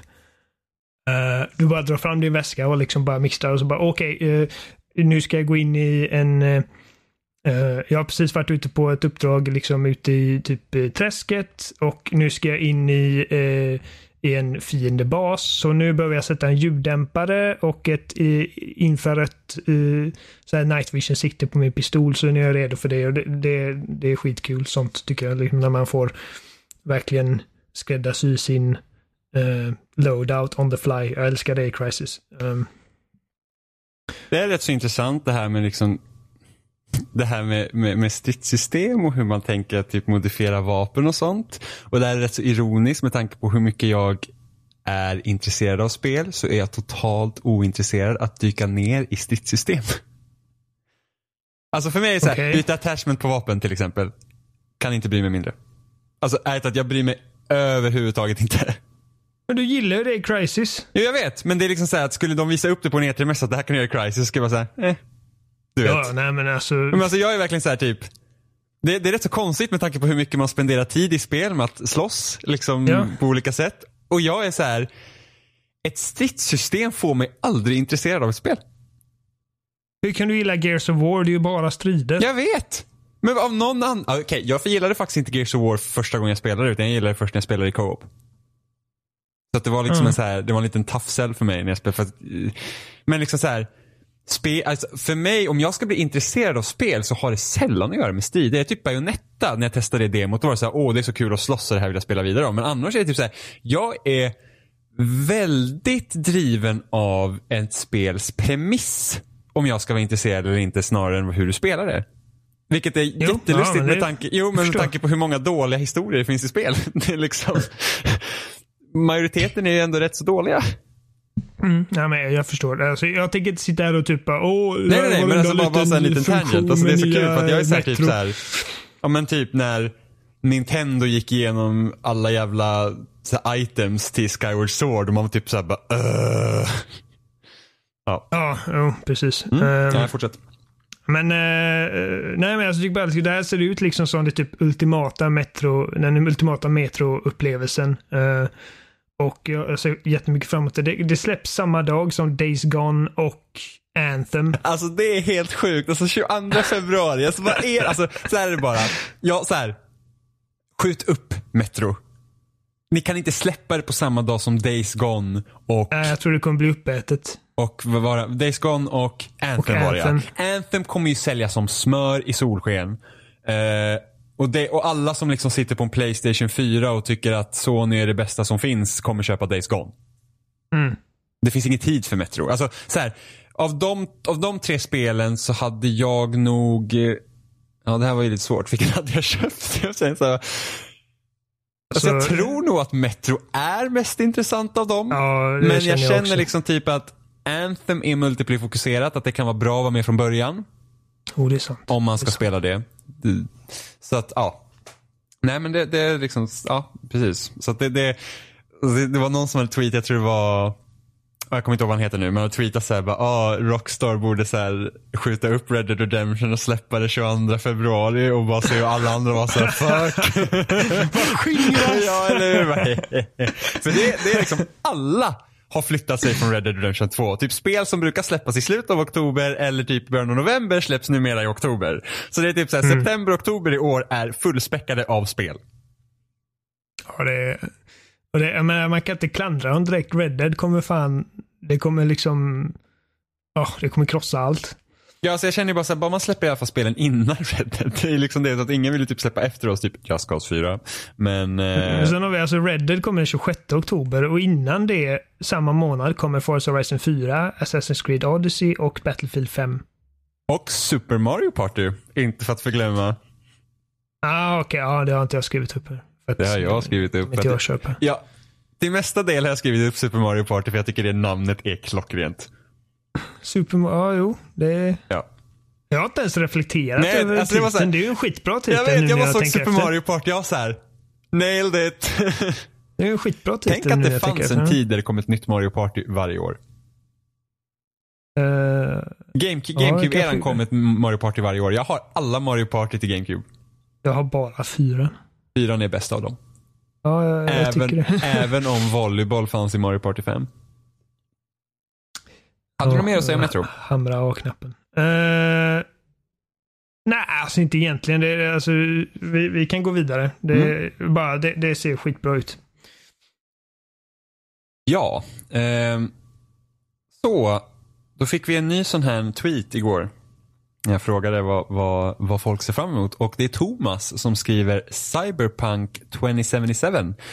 Äntligen något som visar att det här faktiskt kommer även om jag var betydligt mer hänförd och förtjust i atmosfären och känslan som den allra första teasern osade av.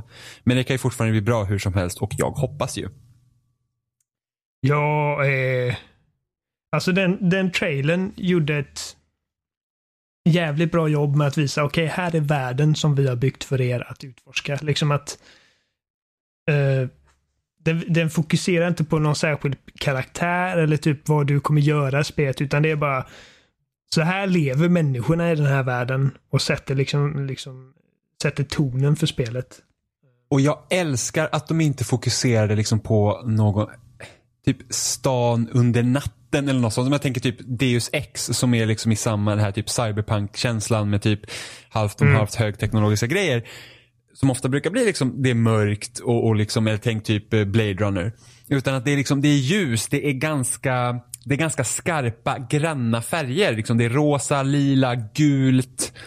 Jag vet, awesome. Eh, liksom att den, och, och, då till skillnad från Witcher 3 till exempel. Som, och Witcher 3 är ju väl, ett väldigt vackert spel men det är ganska lågmält och liksom färgerna är en, liksom u, lite urvattnade kan man säga. För att det är liksom en helt annan ton. Men det här liksom Särskilt bland... i eh, typ Vällen och de här liksom krigshärjade områdena. Ja, men det är heller inte liksom opersonligt högteknologisk sci-fi typ som Mass Effect utan det känns som att folk faktiskt lever här. Typ, det är Ja. lite som så här femte elementet-vibbar. Ja, jo. Eh, Femte elementet, Blade Runner och... Uh, det andra jag tänkte på. Skitsamma, jag förstår vad du menar. Mm. Så att jag, jag är så här. Det är lite synd att de inte hade någon gameplay-demo som vi fick se. För det hade faktiskt varit asnice att få se hur det spelas och även om det har visats bakom stängda dörrar. Ja, Eh, så är liksom så här-. Med Witcher 3 så har ju CD Projekt Red har ju verkligen visat att, att, liksom så här att Alltså de är typ bäst i världen på vad de gör. alltså, det är en otroligt talangfull studio. Så att jag är liksom, jag är Mm. inte ens vi har, vi har pratat lite om det här innan, typ att det, det jag är mest orolig för, för Cyberpunk var ju det, hur ska striderna fungera? För man tänker typ Witcher, liksom resan de gjorde med Witcher från 1, 2 till 3 och, och hur striderna är mycket bättre i trean än vad de var i tvåan. Men då Mm. har ju vi också alltid utgått från att Cyberpunk kommer att vara tredjepersonsspel. Ja, Alltså, det, har alltså, jag liksom ansett typ som självklart Ja, av någon självklart. anledning. Av någon anledning. Liksom, det är inte som att de Men det är någonsin har bara för att sagt man det. vet att det är liksom Witcher 3 Studios nästa spel. Det är ju självklart att det är tredjepersonsspel. Ja. Men det är- är det inte. Nej, och då, då, då, var man ju så här, att- då är man lite orolig för hur Gunplay kommer kännas i tredje person. Liksom, hur, hur ska de fixa det så att det liksom blir roligt? Och nu är det första person istället. Och det ger ju en rad helt andra problem.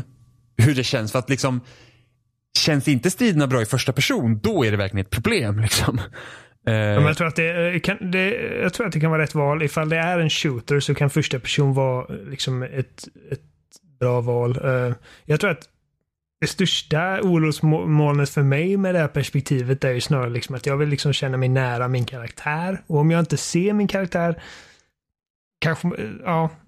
Ja, fast det, Eh. det här, jag tror att det här är väldigt positivt att det är första person. Just för att den här gången kommer du inte ha en, du har ingen Geralt i det här spelet om man säger så. Det, det, finns liksom inte redan en färdigskriven person här, utan det är din karaktär. Ja, jo, det, Eh. det är sant nu när du säger det. Precis Och, och, och man känner typ så här, det jag älskar med Deus Ex-spelen, de här två som då, eh, som har släppts då eh, på 2000-talet, så är det det att i första person så kan du få en helt annan anknytning till världen. Alltså du kan leva dig in i världen på ett helt annat sätt och det tror jag kan vara rätt val när du är i en stadsmiljö på det här sättet. Eh, för liksom jämför typ att spela GTA 5 i tredje person jämfört med första person. Alltså det är som en helt annan upplevelse. Ja, Eh, och just att man liksom blir omsluten av världen på ett annat sätt. Ja, och nu kommer inte, och, och det som Witcher till exempel har som är positivt där är ju det att när, när i tredje person och du har hela den här världen att, att när det är mycket skog och åkrar och sånt så kan du liksom få ett helt annat scope liksom när du ser i en tredjepersonskamera och liksom man får en helt annan syn på världen runt omkring.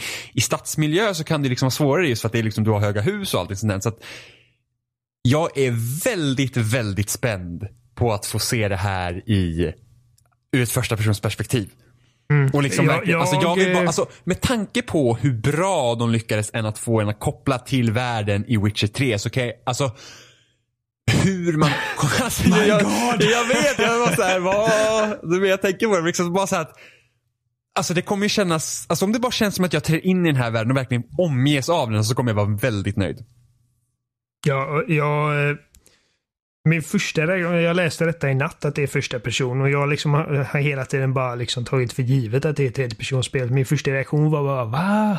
Men ju mer jag tänker på det, desto mer känner jag bara det är nog rätt val alltså. Och, och precis som jag skrev till dig i natt liksom att CD Projekt Red är så jävla bra att jag, jag blitar, jag blitar. Jag litar blint på oavsett vad de bestämmer sig för att göra med det här spelet. Uh, och uh, jag, menar, jag läste ju, precis som du säkert gjort, jag läste hands-on impressions från eh, olika eh, publikationer som faktiskt fick se det i rörelse bakom stängda dörrar. Och det gjorde mig ännu mer sugen än vad trailern lyckades göra.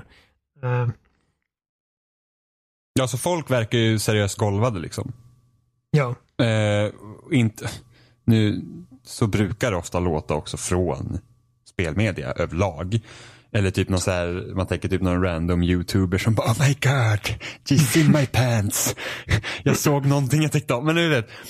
Men en sak jag också tycker är intressant här med, med den karaktären du kommer få vara. Just för att, för att du, du kommer ju du kommer ju få göra din egen karaktär.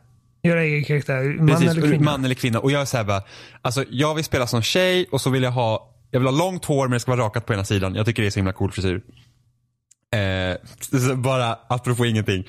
Men, men det här med att du, precis, kommer du ihåg i första Mass Effect när man får, du får liksom skapa bakgrunden till din Shepard? Ja. Väldigt simpelt sådant. Liksom till exempel, mm. ja, jag gjorde antingen det här eller det här. Det här. Tre alternativ. Precis. Mm. Här verkar det vara som att det är mycket mer avancerat på det sättet. För att du kommer få skapa din egen bakgrund till karaktär. Du kommer liksom få välja utifrån olika parametrar och det kommer påverka hela storyn. Ja, och jag såg att uh, IGN skrev också att du kommer få liksom säga typ vem var din barndomshjälte? Sådana liksom typ detaljgrejer. Jag kan vara narcissistisk och säga mig själv. Mig själv. uh, ja, nej, men alltså, det var ju en grej jag var orolig med inför Cyberpunk efter att ha liksom verkligen fallit hejdlöst uh, in love med uh, Geralt som protagonist. Att, jag har svårt att se att de kommer liksom lyckas göra en lika väl väl realiserad eh, karaktär för mig att spela. Men man kringgår ju det lite genom att liksom ge det typ, alltså okej, okay, det är din karaktär. Mm. Um, och jag gillar också hur uh, du kommer inte behöva liksom välja typ klassen och sån här skit i början av spelet. För att det, det är så jag som är liksom en alltså relativt nytt fan av rollspel varje gång jag ska starta ett spel som jag inte ens har testat någonsin och de bara okej, okay, nu ska du välja vilken klass du är för resten av det här spelet som du inte vet någonting om. Det är så jävla inte liksom ah, det är, bara, det, det, det, är inte användarvänligt liksom att jag, jag ska automatiskt veta exakt vilken karaktär jag kommer vilja spela. Det kommer inte riktigt funka så här utan du kommer liksom få bygga din egen klass i princip. Du kommer vara mycket friare att verkligen uh, sätta skills och sånt där du vill ha det. Och jag, jag älskar att det finns ett attribut som heter cool. Mm, det finns faktiskt i uh, brädspelet också. Ja, det är awesome. Liksom att det, det, typ, det, att vara cool är liksom en grej och du får liksom street cred som sen kommer göra, eh, påverka vilket inflytande du har när du liksom interagerar med karaktärer i världen. Typ som att om du sätter på en cool läderjacka så får du mer street cred vilket ger dig mer inflytande. Sånt tycker jag låter jättecoolt. Mm. Nej, alltså, det, alltså, jag, jag, alltså jag är väldigt peppad på det här spelet faktiskt. Jag med. Jag är alltså, grymt peppad. Och just med tanke på hur bra de skötte liksom de olika små side-historierna i Witcher 3. Så jag är, jag är väldigt intresserad av liksom att bara få se hur människor lever i den här världen och liksom ja. vilka problem det finns. och liksom De grejerna är ju, är ju mest intressant för mig. Ehm, för att Witcher 3 var så bra på det, så det var ju verkligen misär. Alltså det, ingen var ju glad i Witcher 3. Det var ju verkligen så att, fy fan vilket sketet jävla land att bo här. Alltså det är verkligen hemskt. Och det ja. märktes liksom på människorna och liksom att det spelade roll. Att det liksom fanns, det fanns en tyngd i, i de som bodde där. Inte som typ Assassin's Creed när liksom varenda NPC är som ett blankt papper. Liksom. Att det, det, det, det Ja, nej, men det ska bli så intressant att bara liksom få känna av typ invånarna och liksom, liksom hur är det att bo i en sån här stad. Det, jag, jag, ja. det ska bli... Och CD Projekt Red skriver karaktärer så jävla bra. Och alltså det, jag blir helt jag får svindel när jag tänker på liksom möjligheterna med det här spelet. Det ska bli skitkul att se mer av det i framtiden. Ja, när tror du att det släpps? Ingen aning. Jag tycker inte ens, jag menar, alltså det skulle förvåna mig om det kommer nästa år. Liksom. Ja, jag tror att det här är ett Next Gen-spel. Ja, det är absolut möjligt. Så att, uh, ja, det har varit nice att typ launch till nästa konsolgeneration så kommer Cyberpunk. Det har varit kul. Mm. Sen har jag tre spel som jag inte ska... Eh, vi ska inte gå in så himla mycket på dem. Men de visas upp i den här ID Xbox-reelen. Eh, som jag bara vill nämna för att jag känner att det är liksom värt att nämna. Första är Tunic. Mm. Som ser ut att vara någon Zelda-liknande isometrisk vy. Liksom. De spelar som någon där, springer runt med svärd och sånt. Alltså det såg verkligen jättemysigt ut. Eh, nästa spel är ett spel som heter Sable. Och det är det här spelet som typ cell-shaded stil, alltså det ser ut som typ en tecknad film. Eh, mm. som, som man är i en sån här ökenvärld. Eh, och jag försökte liksom ta reda på lite vad det handlar om. Så det, det, det, är, det är en öppen värld. Som fokuserar på att du ska utforska den här världen och lära dig om den snarare än det, ska liksom inte, det är inget fokus på strider. Jag tror inte att det ska vara strider i det spelet. Utan det handlar om att lära sig om platsen, lära sig om kulturen som lever där och de, och de eh, varelserna som bor där. Alltså det, det spelet var så, så snyggt. Det är typ ett av de spelen jag ser mest fram emot som finns på den här, eh, som man såg på E3. Mm. Och det sista spelet heter Totem Teller. Som är något typ så här 2D-aktigt. Eh, det ser nästan ut som en målad tavla fast ändå typ pixligt. Som att, så att det är typ så här, ah, vi målar en tavla och det ser ut som fäss. Fast det inte typ ser 3D ut. Alltså väldigt så speciellt. Eh, Och också ett spel som så här, det är utforskaren som är stor fokus. Eh, och det liksom verkar vara någon så fokus på olika berättelser och sånt. Eh, som såg väldigt, väldigt trevligt ut. Det var bara de tre spelen jag ville nämna så att de är nämnda. Så att folk vet vad de ska hålla ut koll efter. Eh, för Sable, det är typ, alltså vi kommer sen typ säga vilka spel vi ser fram emot mest och typ Sable är ett av dem. För mig. Och det var Microsofts presskonferens. Ja. Eh, de andra kommer inte ta lika lång tid för att de andra visar inte lika många spel. så, Nej, men eh, så att det är tids, lika bra. ja, så tidslinjen för den här kommer ju Vi knappast har bara pratat i en och en halv timme typ. Jag vet. Så tidslinjen för den här, jag vet, tidslinjen för den här, eh, för den här eh, podcasten kommer förmodligen inte bara stå Microsofts presskonferens för att då kommer flera av er hoppa över den för att ni ingen tycker om Microsoft. Mm. Eh, nästa konferens är Sony. Ja. Och de började ju faktiskt med att visa upp Last of Us 2. Ja, Ja. det, ja jag, jag, jag försöker tänka, var ska jag börja? Alltså, jag älskar det uppenbara är liksom att det typ ser grymt snyggt ut och animationsarbetet är liksom ännu bättre än vad det var förra gången och även i Uncharted 4 och det är liksom och redan de spelen var väl animerade. Jag, eh, jag älskar hur det börjar med liksom en helt vanlig typ fest i någon jävla lada eller någonting. Eller tält eller whatever. Det var inte bara för Eh. Ellie det började i ladan. Eh, nej, eh, precis. ja, det såg konstigt ut. Det fick det att se jävligt bay ut. Eh, Uh, Sonys konferens var väldigt märklig på det sättet. ja, Och sen såhär typ, ja men det är typ Last of Us och sen så bara pre-show. Och man bara what? Intermission.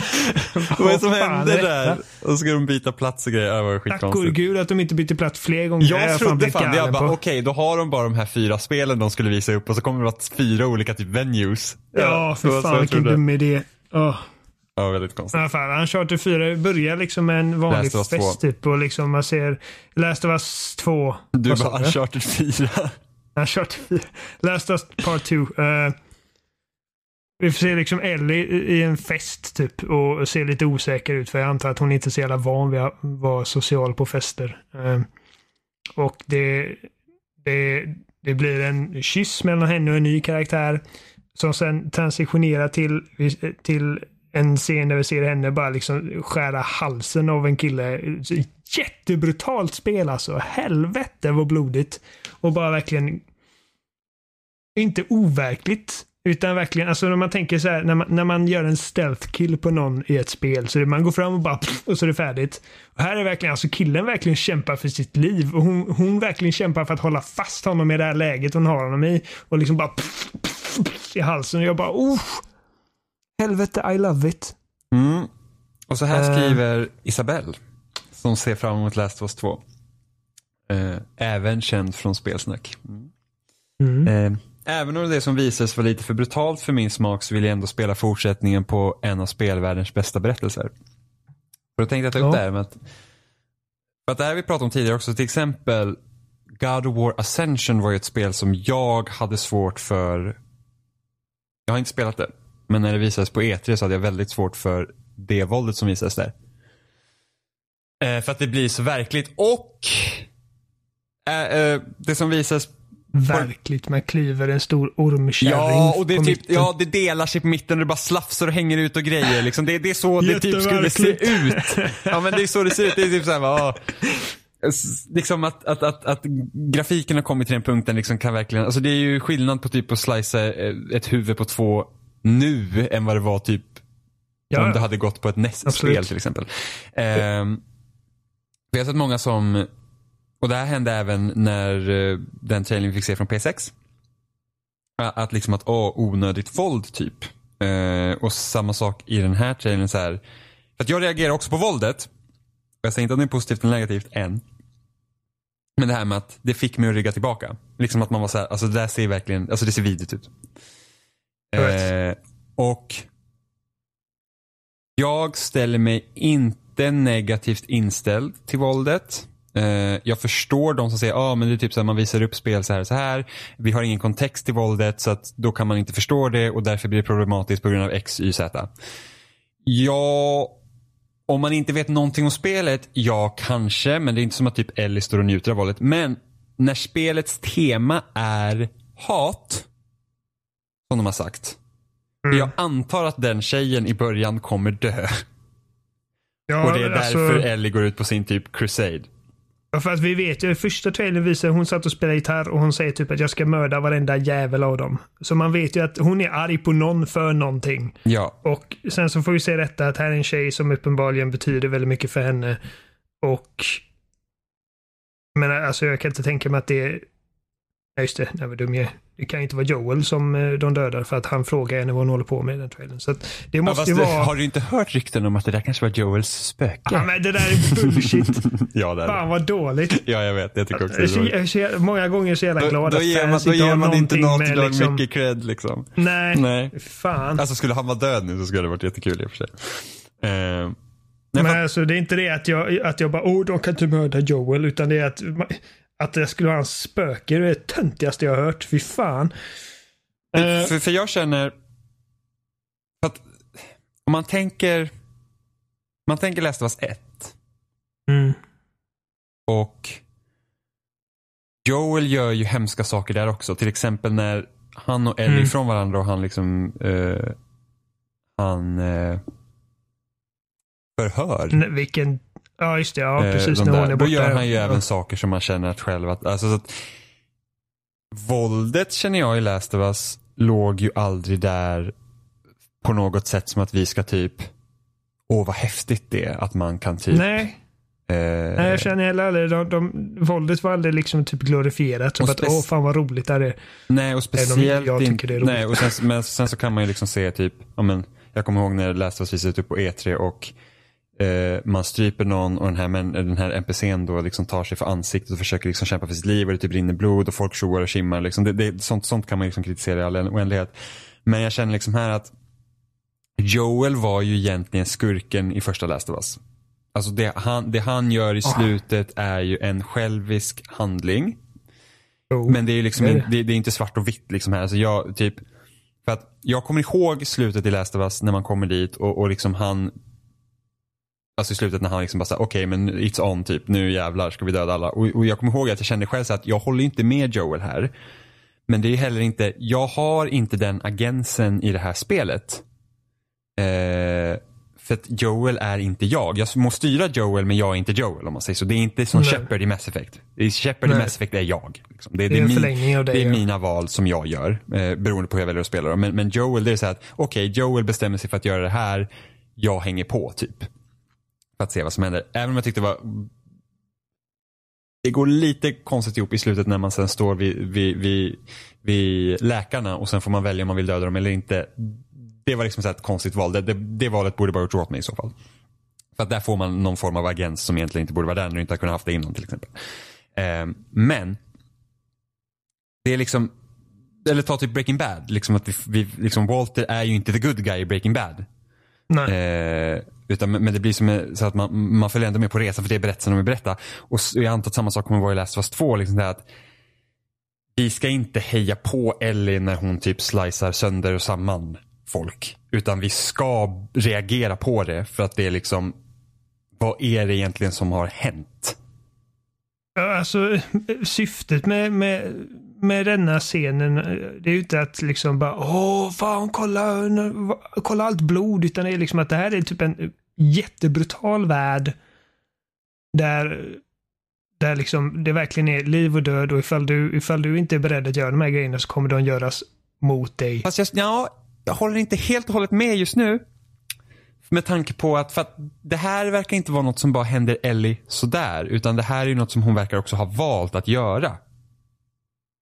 Alltså, om man tänker Joel och Ellie i första spelet när vi ska ta oss från punkt A till B så är det ett sätt att överleva för att vi måste ta oss förbi de här delarna och det är folk som Mm, vill man göra oss kommer i illa. kontakt med folk. Precis.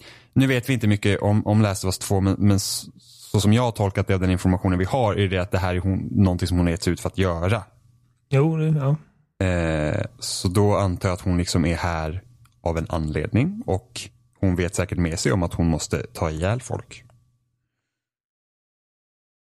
Jag räknar inte med att det här skulle bli någonting vi skulle prata om för att alltså eh,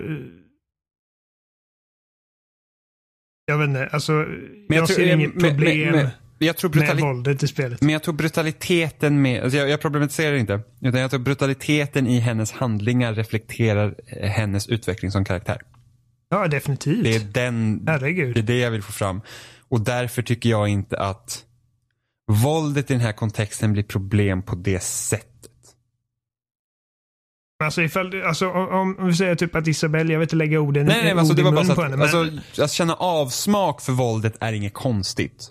Förstår du? nej, nej, men alltså hade jag sett det hända någon i verkligheten Alltså för att, för att det är en sån, alltså jag, jag kan säga, jag, jag kommer ihåg vi hade en sån här typ datorlektion på gymnasiet och så var det någon som bara Oliver kom och kolla på detta. Så var det någon sån här video på typ likt eller vad fan det var. Och så var det, nå- det var en video på en amerikansk soldat som fick sin hals avskuren jättelångsamt av en jävla typ slö jävla brödkniv och några typ så här al-Qaida-gubbar. Och det var typ seriöst det äckligaste, bara mest frånstötande, mest upprörande jag någonsin sett i hela mitt liv. Alltså jag kan liksom fortfarande se det när jag sluter ögonen, liksom alla dessa år senare. Hur, hur långsamt det gick att skära halsen av honom. Hur långt det tog för honom att dö och förblöda och liksom hur han ansträngde sig för att inte skrika eller se rädd ut. För att han inser ju liksom att jag, ska, jag är en soldat. De vill att jag ska vara rädd, bla bla, men jag tänker inte ge dem det. Och liksom när han försöker typ andas så bara bubblar det ut blod ur halsen. på Alltså det var fruktansvärt. Jag känner inte så med spel och film för att det liksom, jag, jag vet liksom att det är inte på riktigt. Förstår du vad jag menar? Mm. Men alltså, du, Eh, du, jag förstår inte hur man kan tycka att åh fan vad det här är för våldsamt. Våld är fan asroligt. Det är, därför, det är därför Quentin Tarantino är typ en av världens bästa regissörer. För han bara sp- spränger skallar bara för skojs skull. Alltså... Jag vet inte, alltså...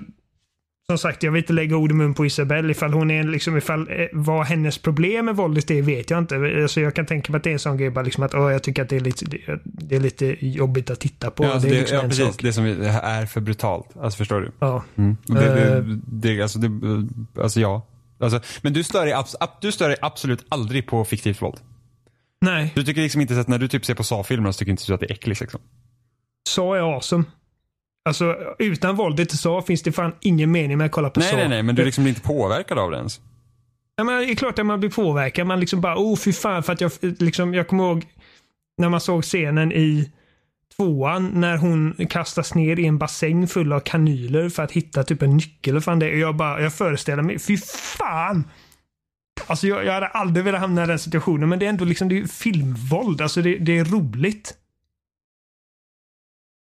Jag förstår inte, alltså typ som med God of War, särskilt God of War när det är liksom man sl- skär halsen av typ fantasimonster. Liksom hur, hur kan det vara liksom för mycket? Jag, jag begriper inte det alltså. Ja, nej usch, nej Ascension alltså det var, var inte typ något med en sån snabel man drog av. Nej fy fan. Det, det är för magstarkt för mig. Nej, Alltså inte en snabel man drar av. Det är, en- det är en elefant som du skär upp kraniet på och liksom så hjärnan rinner ut i princip. Uh, det är ju så jävla over the top och liksom bara cartoony. att det liksom... Nej, inte, inte God of War Ascension. Då, då, då gick man över cartoony. Gears of War är cartoony. För det är liksom, det, det är så bortkopplat från typ hur det skulle kunna vara. Men- Men Ascension kände jag att det, det, det blir liksom för mycket. Du har inte spelat Ascension? Nej, jag har Du sett Ascension, Du har precis. sett eh, Ja. typ fem minuter av Ja det. men så här, okej så här. Det jag har sett av Ascension, det är väl i spelet? Kommer inte ihåg. Jo, det är i spelet. Jo, De det- jo, det är ju- är, ja. i spelet. Och det är ingen skillnad om jag ser det i ett YouTube-fönster eller om jag ser på min TV. det är förmodligen värre på min TV. Nej, men alltså det, det, det, är ju en sak att liksom se en riktig människa i verkligheten få sina tuttar avskurna eller typ eh, Kratos skär av tuttarna på en typ eh, succubus eller någonting. Men det är fortfarande äckligt. Ja, äckligt kan det ju vara, men det är typ, alltså jag tycker det är äckligt att kolla på när Jackass käkar bajs, men det är ju därför man kollar på det Nej, också. jag tittar, Varför in, ska- jag tittar inte på Jackass. Av den De anledningen. bara spyr i varandras Nej, käft och grejer. Nej, men det är usch. Nej. Alltså det äckligt, våld och typ äckligt och sånt, det, det är ju roligt. Nej, det finns en gräns. Jag, alltså för mig känner jag liksom att kontext är, är viktigt. Liksom alltså det är som, medans jag älskar typ, uh, vi säger uh, filmer som, vi säger typ Django Unchained för att jag tog upp Quentin Tarantino som ett exempel. Uh, det, det är ju inte en film som bara bygger på liksom våld. Den har ju liksom jävligt bra manus, väldigt bra skådespelarprestationer och liksom en bra berättelse. Men liksom våldet gör det roligare. Jo, men, det liksom, men sen har du också, det är typ det sista blowout som är riktigt liksom ordentligt. Jo, Medan det- du har, tar ett spel som Last of Us så kommer du liksom få se den typen av våld många, många, många, många, många, många, många, många gånger innan spelet är slut. Uh, jo, det förstår jag. Men samtidigt så, eh, alltså för mig, problem med våld blir det för mig när det liksom, när det hamnar någonstans där det inte känns lämpligt. Liksom, jag hade inte velat se typ, om vi säger det i nästa Star Wars-film. Att någon blir typ våldtagen eller liksom eh, det, är som att det liksom, det var en diskussion som kom upp, eh, jag, kom, jag tror det var typ tidigare år eller whatever, eh, efter Last Jedi. Liksom, varför, varför kan vi inte få liksom R-rated Star Wars? Jag bara, varför? Star Wars är liksom inte ett universum som behöver vara R-rated. Alltså, det, det som är så fantastiskt med ljussabeln är att det är liksom, man kan skära av huvuden och armar på folk utan att det blir blod för att det liksom bara sväddar eh, Fast jag, ändå, jag gillar att gränsen mellan R-rated och inte R-rated är om det kommer blod eller inte, inte att huvuden flyger.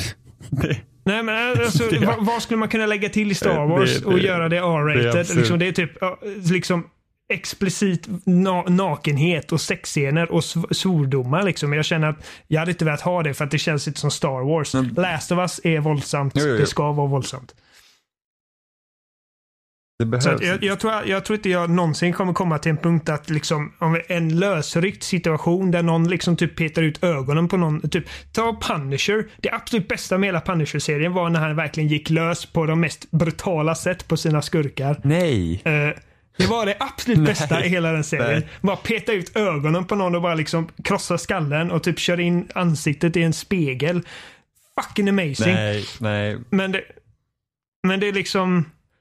Så att jag kommer aldrig komma till den punkten tror jag där jag liksom... Jag lovar Där- den dagen vi har verkligen så här fotorealistisk grafik.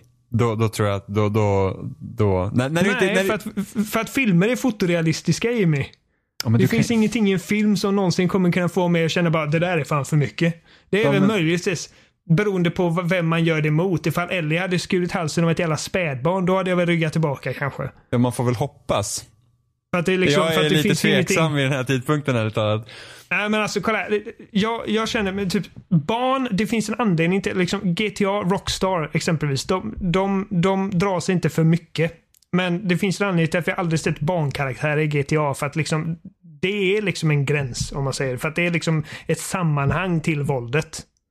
Att trycka ut ögonen på någon är liksom inte av sig själv för mycket för mig. Det beror på vem du trycker ut ögonen på. Och det är samma som med, med djur och sånt. Jag har väldigt svårt för animal cruelty. Jag, liksom, jag har alltid svårt att jaga djur i spel exempelvis.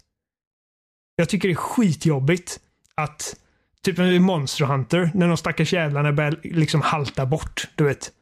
Då har jag svårt att okej. liksom Ja. aktivt jaga efter det stackars Det djuret. Som mig. inte gjort mig Det någonting. och bryr jag jag mig bara, åh, absolut inte om å andra sidan. jag ska, jag ska fan med mörda dig och skära upp dig i bitar bara för att jag vill ha nya stövlar. Där, alltså, det där det är svårare för mig än liksom att se Ellie skära Ja, halsen av någon det- jävel som hänger upp folk och liksom skär ut och, och, och skär upp magen på dem. Liksom. ja, men, Man titta, ser ju och- vad de människorna gör med andra karaktärer i spelet. De hänger upp en kille, sparkar Ja. undan ja. eh, pallen under honom och skär upp magen. Och även Liksom. där har du det brutala våldet, liksom att typ inälvor och sånt åker ut när de skär upp magen. Så men det gör bara, de ju i det- verkligheten. Jo, jo, jo, men det är inte bara vad Ellie gör utan det är liksom hela våldskontexten. Jag vet. Eh, Och men det är kul det, det- med Mon- Monster Hunter för att alltså, Monster Hunter hade ju kunnat vara betydligt roligare om det syntes. Liksom när man, man liksom, alltså det syns ju på fiender, de blir ju skadade och sådär. Men det är inte så Mm. rått som det hade kunnat vara. Det är liksom inte som att köttslamser Nej. hänger och typ här hud dras. Och liksom, då hade jag haft svårt för det också. Men annars har jag inga problem med Monster Hunter faktiskt. När de, när, Alltså, när de, djur, när de, när de haltar undan, jag bara fuck yeah, nu är du min. Jag har inga problem med att skjuta liksom typ schäfrar som försöker äta upp mig i Call of Duty 4. För att de muckar med mig först. Liksom. Eh, och ifall, ifall ett monster hoppar på mig och förgiftar mig i Monster Hunter, då blir jag arg, då ska den dö. Men alltså de liksom mer typ, de monster som går runt och liksom inte bryr sig om mig förrän jag börjar slå dem. Och försöker försvara sig från mig bara för att jag vill ha liksom ett, ja precis, nya stövlar i princip. Och sen när de till slut är så skadade att de liksom haltar iväg och bara snälla låt mig vara, jag ska hem nu, låt mig vara, jag vill bara liksom läka lite och så bara går man dit när, när, när de sover och bara Det där tycker jag är svårare alltså. Mm. Än att liksom trycka ut ögonen på någon som liksom våldtar och mördar människor för skojs skull. För att liksom de, de människor man dödar i Last of Us är inga bra människor och jag har inga problem att göra hemska saker mot dåliga människor.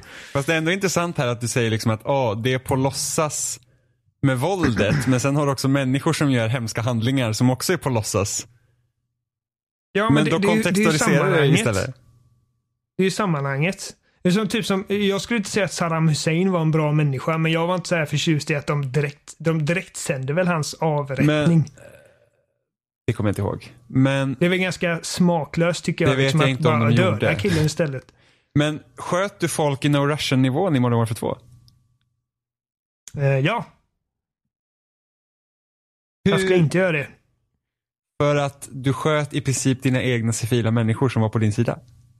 Jo, men alltså den här människan var ju där undercover. Ja, jag vet att han var Det här är för undercover. nationell säkerhet. Och så dödade du massa människor. jag har förmodligen fått liksom instruktioner att göra precis allt som krävs för att liksom få detta att gå i lås och det gjorde jag också. Vilken jävla shitstorm det hade varit när det här hänt på riktigt.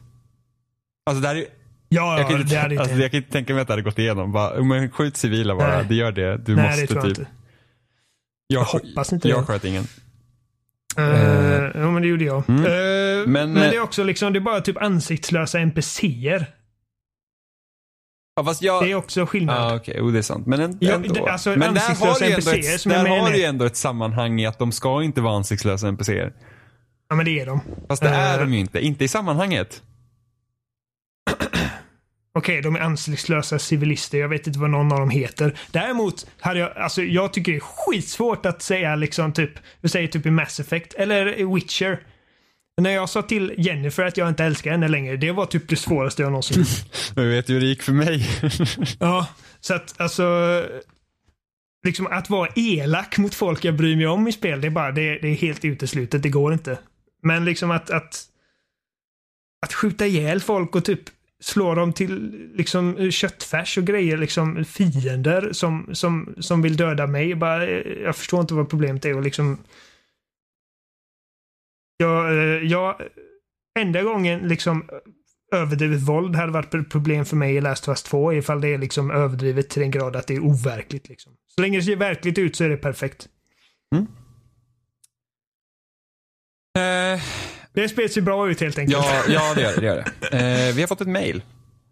Ja. Hejsan. Har lyssnat på er ett tag nu, ett par år. Måste bara säga att jag tycker att ni är en av höjdpunkterna på veckans poddflöde. Gillar hur ni kan komma in på ämnen som absolut inte har med spel att göra. Men om ni inte redan har spelat in avsnittet, vilket vi håller på med just nu. Eh, Vi fick, vi fick se det här mejlet precis under inspelningen. Ja, det precis. Ja, jag fick, jag fick meddelande. Alltså.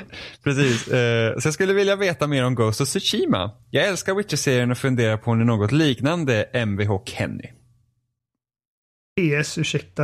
Nej, det var inget. Nej, precis. Det det behöver, inte, vi behöver inte shamea att Kenny inte kan stava. Men, men jag ser inga stavfel dock. inte jag heller. Men... Att, eh, eh, det är bara att eh, Tsushima borde haft stort T. mm. Och Witcher också. Fy Kenny. Och vilket Witcher menar du? Det är lite oklart. Ja. Ehm, ja, så Ghost of Tsushima är ju ett av de... Det här avtäcktes, var det på PSX eller var det förra årets E3 vi fick se det här första gången? Det var PSX va? Det var inte E3. Nej, då var det PSX. Det var antingen PS6 eller Paris Games Week. Då var det nog... Vi säger PSX. Ja. Ehm, Och fick vi se det här första gången då? Så det här är ju ett av de spelen som du tycker så att åh, nu är samurajtemat hett. Ja, det är väldigt mycket plötsligt. Jag kommer ihåg när, när Ghost of Tsushima utannonserades så la uh, Nathan någonting på Sucker Punch, utvecklarna bakom spelet, upp ett bloggpost. Där de sa typ att varför har ingen gjort det här förut? Och helt plötsligt så har vi tre samurajspel. uh, men ja, vad, vad, vad, vad är din reaktion på det här spelet? Jag är nyfiken på vad du känner. Alltså, det här är ju så spännande just med, med typ så, alltså titta som man får se på Sonys konferenser. Är det att, som jag sa tidigare, så är jag väldigt mer intresserad av setting och liksom vad spelet kommer handla om än vad man faktiskt gör i spelen. Mm. Och därför blir ofta så här Sony-spel, alltså även typ ett spel som Days Gone som egentligen, egentligen är totalt ointressant. Spännande. För att de liksom målar in de, de, de rutar in det så bra. Liksom att typ som Days Gone, så här, ja men du är den här bikerknutten, eh, du lever med ditt bikergäng och liksom hur klarar ni vardagen i den här zombieapokalypsen? Det är liksom för mig mycket mer intressant än att du kan typ döda hundra zombies på, på, på en bondgård liksom. Ja. Eh, och jag har väl liksom inte så här, jag vet inte riktigt vad det här spelet kommer handla om på det sättet. Eh, jag tycker att det den visuella stilen har jag lite svårt för, för att det är liksom så här. Det är liksom som att det är halvt om halvt ur fokus, väldigt urvattnade färger. Alltså det, det, det, det är nästan som att det är en drömvärld. Och det, jag vet inte, det, jag blir lite off på grund av det. Jag, jag vet, alltså när utspelar sig det här spelet? Uh, jag vet inte. I samurajtiden. det är väl typ det är utsatt i feudala Japan. Mm. Um, och uh, jag menar, när de visade trailern första gången förra året så kände jag bara det här, det här ser jätteintressant ut. Det var open world-spel av med, med typ samurajer och i Japan. Det kan bli hur coolt som helst. Just att Sucker Punch liksom har gått vidare till någonting nytt. Generellt sett i Sonys historia så när en studio som har gjort en serie väldigt länge får gå vidare till någonting nytt så brukar det resultera i rätt intressanta grejer. Uh, Okej, okay, det verkar utspela sig uh, när mongolerna invaderar Tsushima. Så du Tsushima är en plats alltså. Mm, så du spelar som en person som heter Jin Sakai. Och är liksom en av de sista liksom som, som skyddar då den här platsen mongos. Eh, hans hatt ser lite rolig ut, men jag antar att det är liksom eh, typ korrekt historiskt. Era appropriate. Eh, precis. Eh, 1274 utspelar sig. Okej. Okay. Mm, Tsushima gameplay... är en ö. Det här är väldigt bra research. Ja. Uh, Okej, okay, ja, det är en ö. Uh, jag den här, just den här gameplay-demonstrationen gjorde inte så jävla mycket för mig. Jag, jag gillar i och för sig att striderna, det ser inte sådär jätte hack slashigt ut utan det var, det var en fiende som uh, hur ska jag förklara det? Man, spelaren står i princip redo på att uh, fienden ska göra ett utfall och när han gör det så liksom gör han en snabb svepning så här kontraattack bara, och så eh, är han död. Så liksom du vet uh,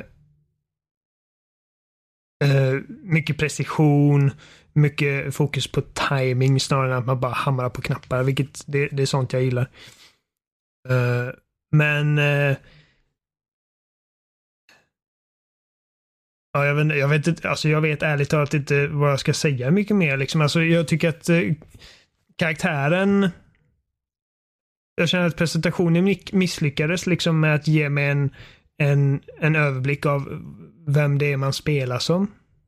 Uh, vad är det för liksom människa? Vad är hans syfte? Vad är, vad...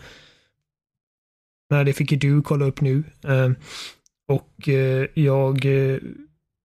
jag hade inte så mycket liksom kontext till vad som hände. Det var liksom väldigt så här typ by the numbers. Okej, okay, nu, nu är jag uppe på bjälkarna här uppe i taket och hoppar ner och dödar folk. Liksom. Det, var, det såg inte jättespännande ut. Så att jag känner för mig är det liksom att det är liksom löftet om vad det här spelet kan bli mycket mer spännande än vad vi sett av det. Mm. Uh, men det, jag är sugen på att se mer och jag är sugen på att spela det också. Det är nice.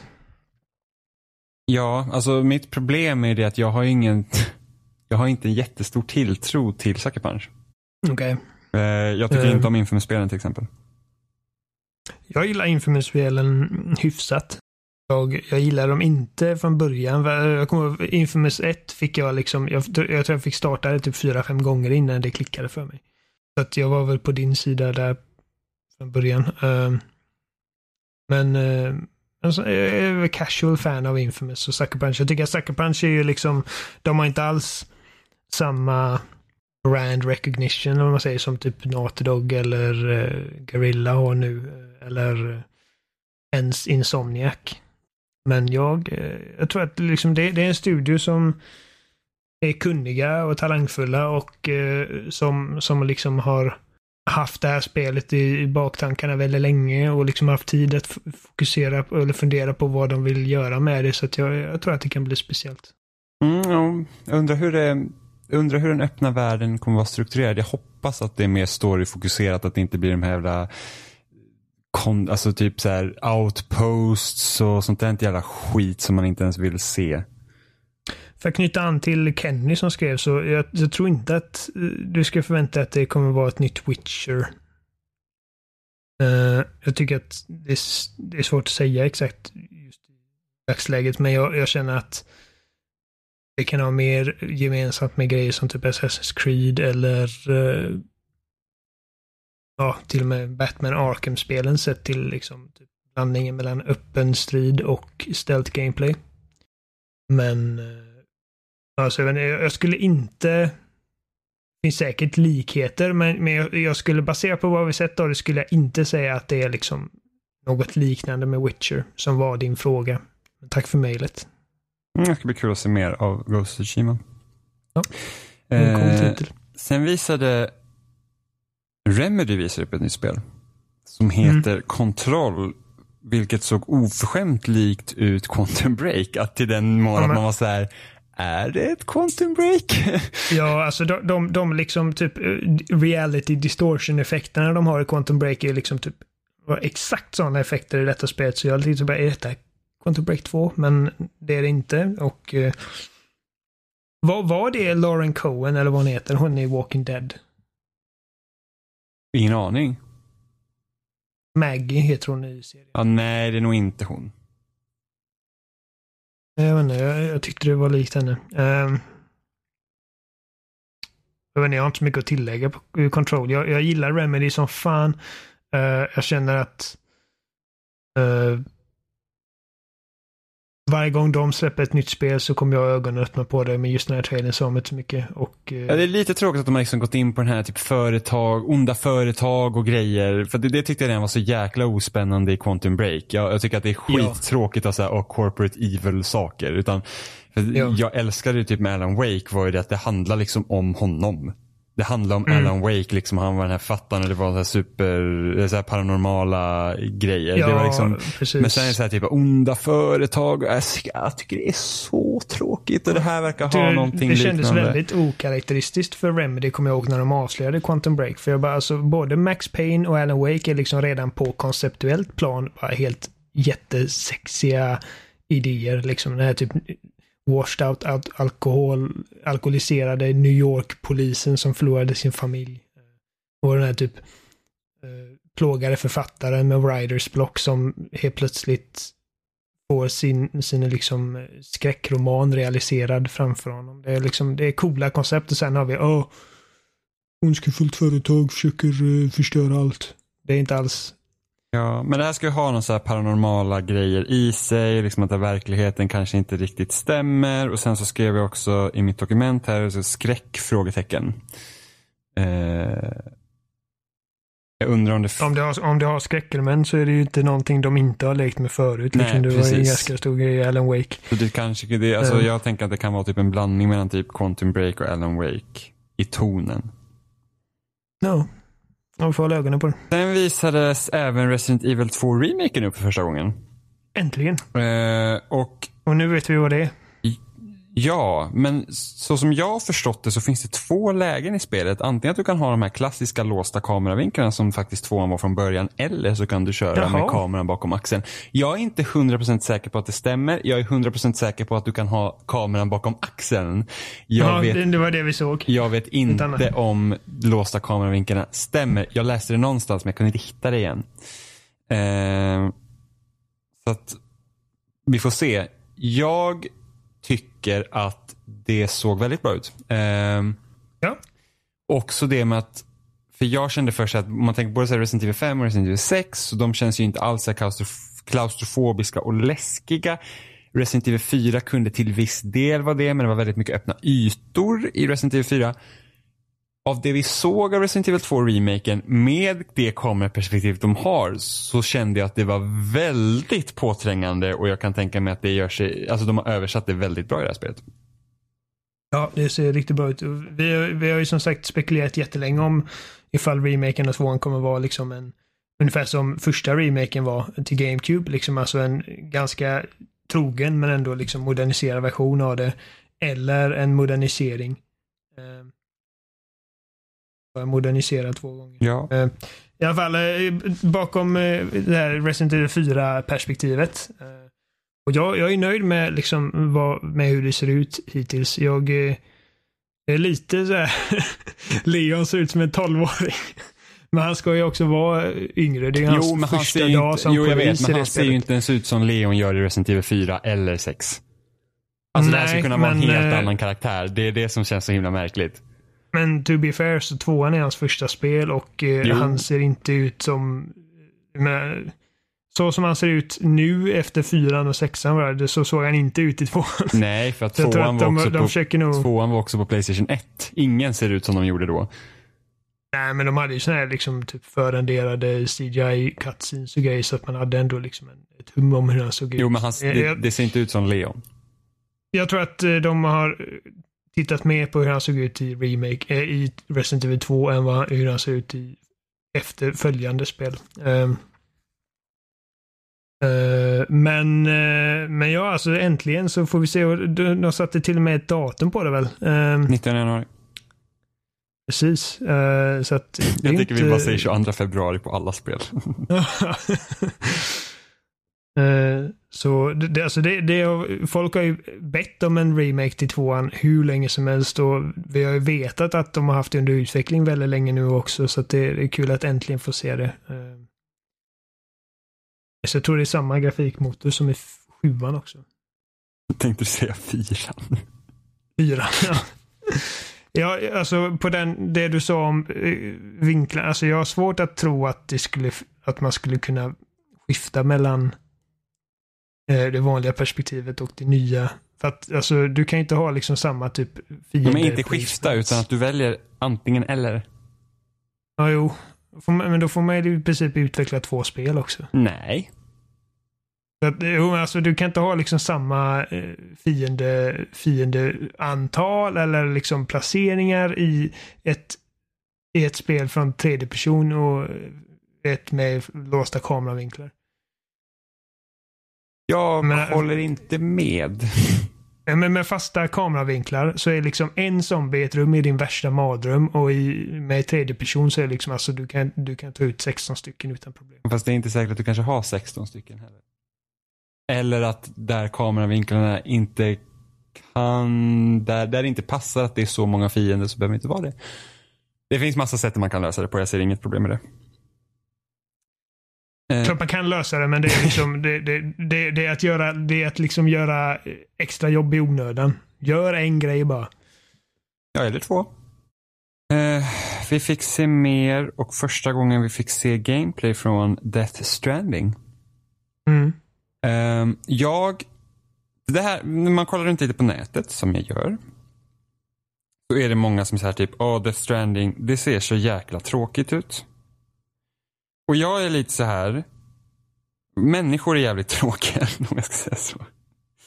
Eh, för att, vad är det egentligen, alltså, jag är nog mer nyfiken på Death Stranding av det vi såg tidigare i veckan än vad jag hade varit om det hade typ varit någon jävla combat eh, uppvisning. För jag känner liksom så här att sättet den här liksom uppvisningen var upplagd.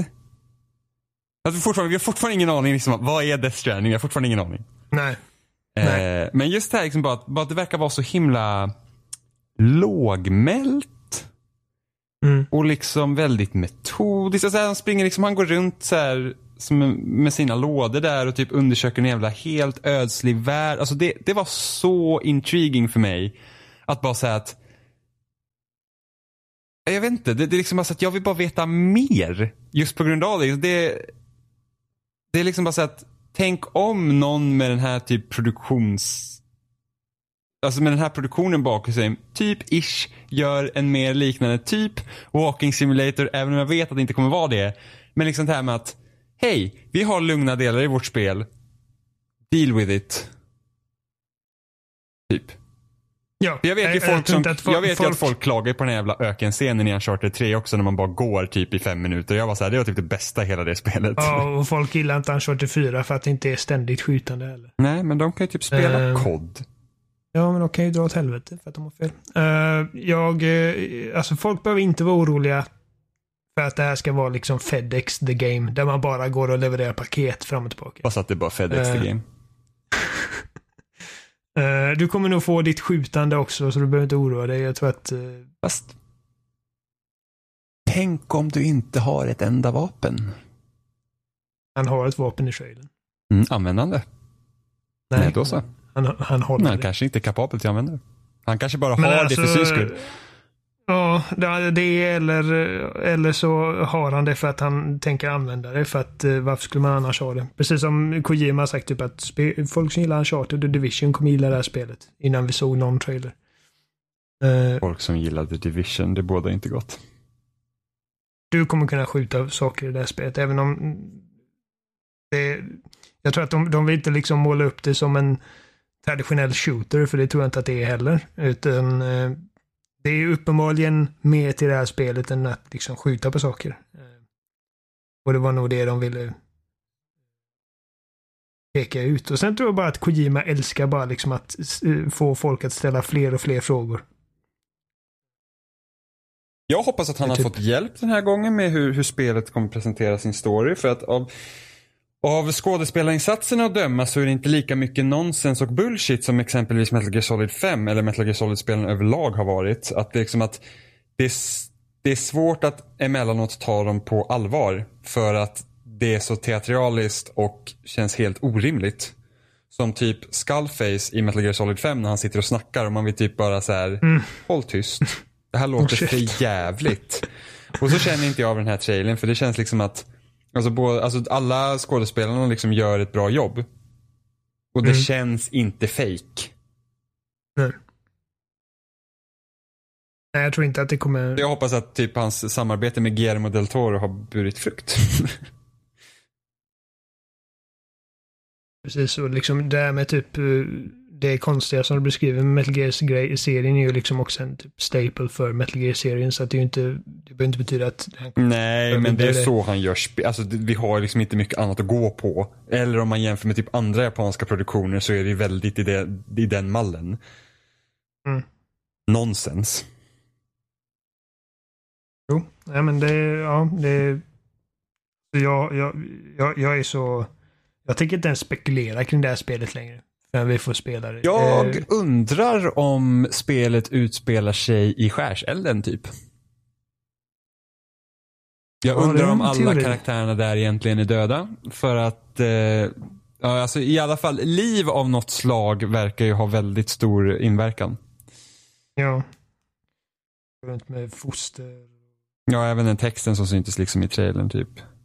Vem håller du i döden eller vad det nu var och sånt. Eh, och sen, Mm. alltså sjukt jäkla obehagligt när hon är den ena kvinnan där i slutet käkar typ någon larvliknande grej. Alltså var så vidrigt.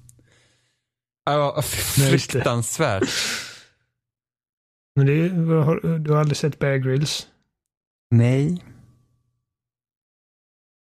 Har du sett om jag länkar till dig? Nej, Nej. Det har jag inte gjort. Det, det, det du såg i The Stranding var ingenting. Men Death Stranding tror jag också är ett Next Gen-spel. Ja. Det, det är liksom... Det är din, det är din eh, måttstock här nu. Ifall vi inte har fått datum så är det Next Gen. Ja men alltså släpps det inte nästa år liksom så är det ju, då, då är det liksom, då är det ju dags för nästa konsol. Sen fick vi se mer av Spiderman. Ja. Det spelet kommer bli bra. Striderna, det kommer snart. striderna ser jätteroliga ut. Jag Eh, tror att storyn kommer suga. Ja, jag, Jag, tror vågar inte att det här liksom kommer vara Arkham av Spiderman. Jag tror att det, det Alltså, och vad baserar jag det på? Jo, jag baserar det på att skurkarna som Skurkarnas visade sig att röstskådespel. röstskådespel var helt vedervärdigt. Alltså varenda en försökte typ låta mer badass än den andra som mina dåliga jävla frukost-tv. Störde mig otroligt mycket på det och jag var så här. Jag är lite orolig nu. Även om jag är mest intresserad av Peter Parker-delarna. Det är det som gör mig, alltså det är det jag är mest intresserad av i de här spelen. Eh, I det här spelet. Men alltså jag tror att, jag, jag tror att storyn inte kommer vara bra. Vilket Jag tycker jag är inte, alltså, hemskt jag, jag, tråkigt. jag tänker inte säga varken bu eller bä om huruvida storyn kommer bli bra eller inte. Det, det, spelet, spelet ser roligt ut. Det ser välproducerat ut. Eh, jag eh, ser fram emot att spela det om typ tre månader. Ja, typ tre månader. Uh, den här demon gjorde inte så mycket för mig. Jag tycker att skurkarna, precis som du, jag tycker att skur skurkarna låter töntiga uh, och uh, designen på skurkarna är ganska tråkig också. Jag tycker att men, det var en grej med liksom Arkham-spelen var liksom att uh, de här liksom skurkarna som man har känt, känt från massa olika versioner genom åren. Liksom, det var roligt att se hur Rocksteady tolkar de här karaktärerna och Fast de- oftast tycker jag att de gjorde väldigt bra Fast jobb med de det. flesta var ju tolkade typ som ish de ska se ut. Jo, alltså de tog inte jättemånga friheter, men jag tycker liksom att de lyckades eh, föra dem till i spelet på väldigt bra sätt. Förutom att liksom, då det Harley Quinn istället för att hon ska ha sin typ Joker-dräkt på sig, eller den här jävla Harley Quinn-dräkten, så fick hon typ miniskirt och en väst. Jag tycker inte om Harley Quinn alls. All- Allt. Eh, Va? Hon var ju skitbra i Batman säsong 2 av Telltale-spelen. Okej, ja, men det är för att hon inte är Harley Quinn i det spelet i princip. Hon är liksom en annan karaktär. Med eh, typ warpaint på. Eh, och jobbig röst. Eh, ing, ingenting med liksom... Ja, Okej, hon har en hammare eller whatever och gillar att slå folk. Liksom ingenting av eh, hennes karaktär är liksom eh, samma i Telltale. Så det är därför det fungerar. Uh, men skitsamma. Jag, jag, jag bara, min poäng är att jag gillar inte hur de här skurkarna ser ut. De ser liksom, eh, de ser fjantiga ut. De ser ut som Uh, så här typ cosplay-versioner av de här skurkarna. Så här typ dåligt ihopsatta och liksom bara skrikiga och over the top tråkiga. Uh, det gör inte att jag är mindre sugen på spelet. Jag, liksom det spelet, de sålde in mig på det spelet förra året redan. Det var liksom mitt game of the show förra året. Så att, eh, jag ser fram emot det. Jag har inget annat att tillägga. Hade du något att säga om 9-2? Bara alltså det enda att jävlar, det är redan på väg liksom. Det, eh, och då, då är frågan liksom hur From Softwares uh, samurajspel passar in där. Alltså jag menar det, det, å andra sidan så gör det liksom att okej, vem skulle vilja spela Neo när det finns ett From Software samurajspel att spela istället? Liksom the real deal. Och, men samtidigt så gör det liksom också att Sekiro känns mindre speciellt för att det har redan gjorts och uppföljaren till det är liksom på väg. Det bara känns som att det är lite, lite crowded. Um, men kul för Team Ninja. Nio är ett rätt bra spel. Jag, jag gillar det och det är mycket bättre än vad typ Other M och uh, Nina Gaiden 3 är. Good for them. Sen har vi Nintendo. Som hade sin sämsta E3-uppvisning på flera år. Det var 45 minuter av patch notes till Smash Bros. Eh, ja, jag...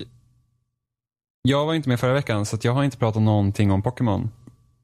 Okej, Eh, starta. jag... Jag är glad att det här spelet inte var liksom då nästa riktiga Pokémon. Trodde det var det. Alltså, jag har fortfarande inte sett det bekräftat att det kommer ett till. Ja, jo, det, det, det sa de ju. Det, det sa de ju på visningen när de visade upp Pokémon Let's Go Pikachu och Let's Go Eevee.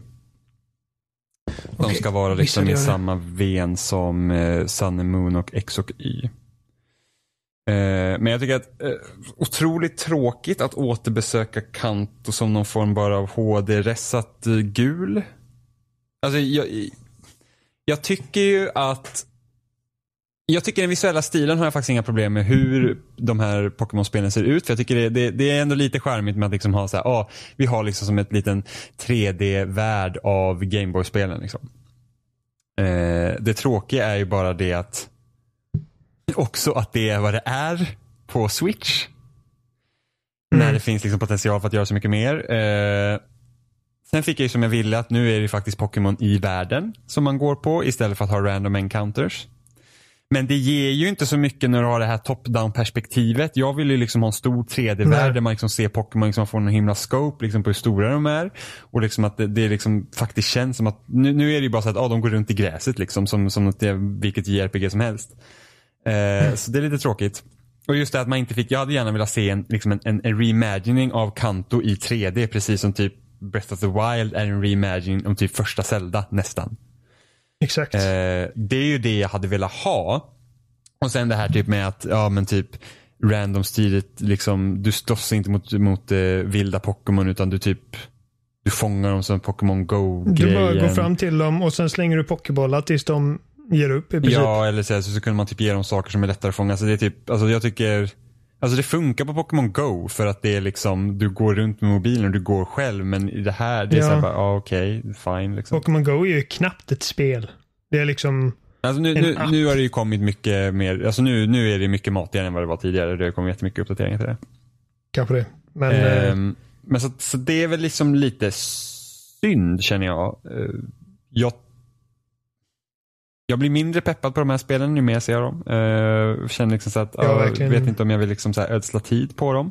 jag har verkligen noll intresse av detta. Alltså när vi har pratat om, eh, om framtida Pokémon-spel på Switch på Spelsnack förut, så det, alltså det här är ju liksom verkligen precis tvärt vad vi har sagt att vi vill ha. Eh, så att det här är liksom så grymt ointressant för mig. Ja, och sen, men jag blir ändå liksom så här orolig inför det spelet som ska komma 2019 för att om det här liksom är en liksom avvikelse från Pokémon-formulan så liksom vissa saker här är, är ju liksom på väg ändå åt rätt håll. Alltså man har i alla fall försökt tänka annorlunda. Men så säger de också att ah, vi kommer sätta ett Core RPG 2019 som kommer vara liksom uppföljaren till Sun och Moon till exempel. Mm. Och då är det så här. Jag tror fan inte att de kommer göra så mycket åt det. Jag tror att det kommer vara mer, mer av samma. Ja. Och det är skittråkigt för då är det så här, bara, ja, men då har, Ja. ni, har ni en hemkonsol, ni har liksom mer power till att göra saker och ni liksom tar inte vara på det utan det ser ut som ett uppressat 3DS-spel. Det är liksom exakt samma grej. Och då är det bara så här, men då får det vara. Det är liksom så här att det, ja, jag känner också det, det. nu vet ju inte jag någonting om 2019-spelet, men det är så att om ni inte ändrar något drastiskt så är inte jag speciellt intresserad. Även om jag är lite skadeglad över att Random Encounters var borta från Let's Go-spelen. För att det var så här, haha, ni sa att det inte skulle hända för att det ändrar genren på... Ja, gud vad jobbigt att leta shinies. Nej, fuck that. Jag är så jävla sur när jag jävla reset era tråden alltså, i helvete. Men alltså de lär vara glada över att spelet i princip är exakt som det alltid varit. Eh, förutom random count- encounters då. Mm, ja, Eh, ja, jag vet inte. Och när det liksom det 2019-spel kommer och det är liksom typ Sun Moon i HD så blir de väl också glada. Så att, Ja, alltså det, Eh. det, det, det är helt, det är för mig helt sjukt. De bara såhär, men, ja, men ju, ser ut som Sun and Moon i HD? Det ser tillräckligt bra ut. Och man bara, det ser ut som ett jävla PS... Det ser, det ser ut som typ Final Fantasy 10 HD Remaster på PS4. Det är Mm. så det ser ut i princip. Och det är så här, det, det, nej, det duger tycker inte jag. För att då liksom, det duger tycker inte jag. jag, blir, jag blir så himla såhär, alltså då... Och så bara, åh men, och sen så när man skriver det så bara, åh men ni kan inte få så här, komma här och tro att du riktiga, riktiga fans vill bara ha bla bla bla och man bara, nu kan fan, alltså herregud, jag spelar, jag har spelat Pokémon sen det kom, jag har fan rört varenda jävla spel nästan. jag är ett bättre fan än dig. Ja, fan, pissa på dem som kallar sig fans. Eh, sen fick vi se ett nytt Mario Party som har det bästa namnet någonsin som heter Super Mario Party. De verkar ha Mm. slängt iväg den där jävla bilen de hade i Mario Party 10 så nu får man inte ens slå var för sig. Eh, det enda jag skrev på att, här, att det verkar ändå ha fokus på att du ska ha med dig switchen och spelare för att man kunde länka ihop switch. Eh, just det här med de hade något minispel där man typ körde någon liten tank och så satte man switch eh, mot varandra för att typ skapa en bana. Eh, så det tyckte jag var häftigt. Så där kan jag tänka mig att de hittar roliga användningsområden. Jag hoppas innerligt att det här spelet har online play, annars är det helt värdelöst. För det känner jag liksom att, alltså har det inte online så bara, vad, vad fan, Det fan vad, om det har det alltså. vadå vad fan om du har det? Det är klart det ska ha online. Jag vet inte fan. Det måste ju ha online, alltså så här, okej, men men Nintendo, man vet inte, men det är helt absurt om det Nej. inte har det. Vad fan ska man betala för deras tjänst för? Det finns ju inget att spela. Eh, det är sant. Sen visar de upp ett nytt Fire Emblem som jag inte har så mycket att säga om förutom att det är nice med ett konsol Fire Emblem. Och sen den stora grejen på den här eh, konferensen var ju Super Smash Brothers Ultimate. Jag får bara säga det att okej, det är coolt att alla karaktärer som någonsin varit med är med, men annars är liksom, jag, jag kan inte bli sugen på ett Smash längre. Okej, jag är aspeppad. Det här var precis i princip vad jag ville ha tror jag. Vadå, Wii U-spelet med alla karaktärer? Ja, men vi kan inte säga att det kommer vara som Wii U-spelet. För att Det ser ut som Wii U-spelet. det är faktiskt gjort i Unreal Engine. Så att det är inte en samma motor som Wii U-spelet. men det ser, det ser fortfarande ut som Wii Ja men det U-spelet. gör det. Eh, och det, det tråkigaste med Wii U-spelet var ju det typ att alla banor som fanns där, liksom, var typ inga nya banor i det spelet. Det var liksom typ Brawl igen. Och jag antar att det här Smash också kommer typ, alltså det kommer säkert vara typ samma låtar, samma banor och samma karaktärer är det ju faktiskt. Men ändå, det låter ändå som typ den, för att jag sa ju det att jag ville ju ha, alltså jag hade inte haft någonting emot, alltså tidigare när vi pratade om det här hade inte jag haft någonting emot att, att de hade liksom släppt Smash eh, till Wii U igen, liksom som en, som en återutgivning på Switch. Även om nu är det liksom i längsta laget, men hade liksom kommit typ förra sommaren eller någonting sånt. Och det, jag tror att det här, jag tror att de började säkert med nya Smash, att de skulle konvertera Wii U-versionen och sen typ slänga ihop 3DS-grejerna i det. Precis som jag tror att Splatoon också var tänkt att det skulle liksom göras om och sen blev det Splatoon 2 sam, samtidigt som det här har blivit nya Smash. Men Mm. alltså det är så här, ja det är ju skitbra egentligen. Så släng in alla liksom karaktärer någonsin i det. Det är liksom, alltså ja det vad det är. Liksom, jag vet inte, mycket mer kan man inte begära egentligen. Ja, nu kan man inte gnälla på att "Åh, min main är inte med längre. Nej. Så att, eh, i- Nu kan man istället gnälla på att min main känns inte som den gjort förut. ja så det, men eh, det var ändå så här, typ, han sa ju det också, ja, men eftersom vi har alla andra karaktärer så förväntar jag inte att det kommer så här många nya karaktärer och det nya vi fick se var liksom Inkling-karaktärerna. Och Ridley. Och Ridley, ja precis. Eh, jag är lite besviken på att inte Shovel Knight är med. Jag hade hoppats Ja. på det. Eh, och sen ska jag också säga, ja, risken finns ju att det är för likt Smash 4 men samtidigt så för mig spelar det faktiskt ingen roll. Det bara handlar, alltså. Smash är helt enkelt inte så intressant för mig längre. Det var alltså. Jag bara. Hade detta varit 2000. 2005.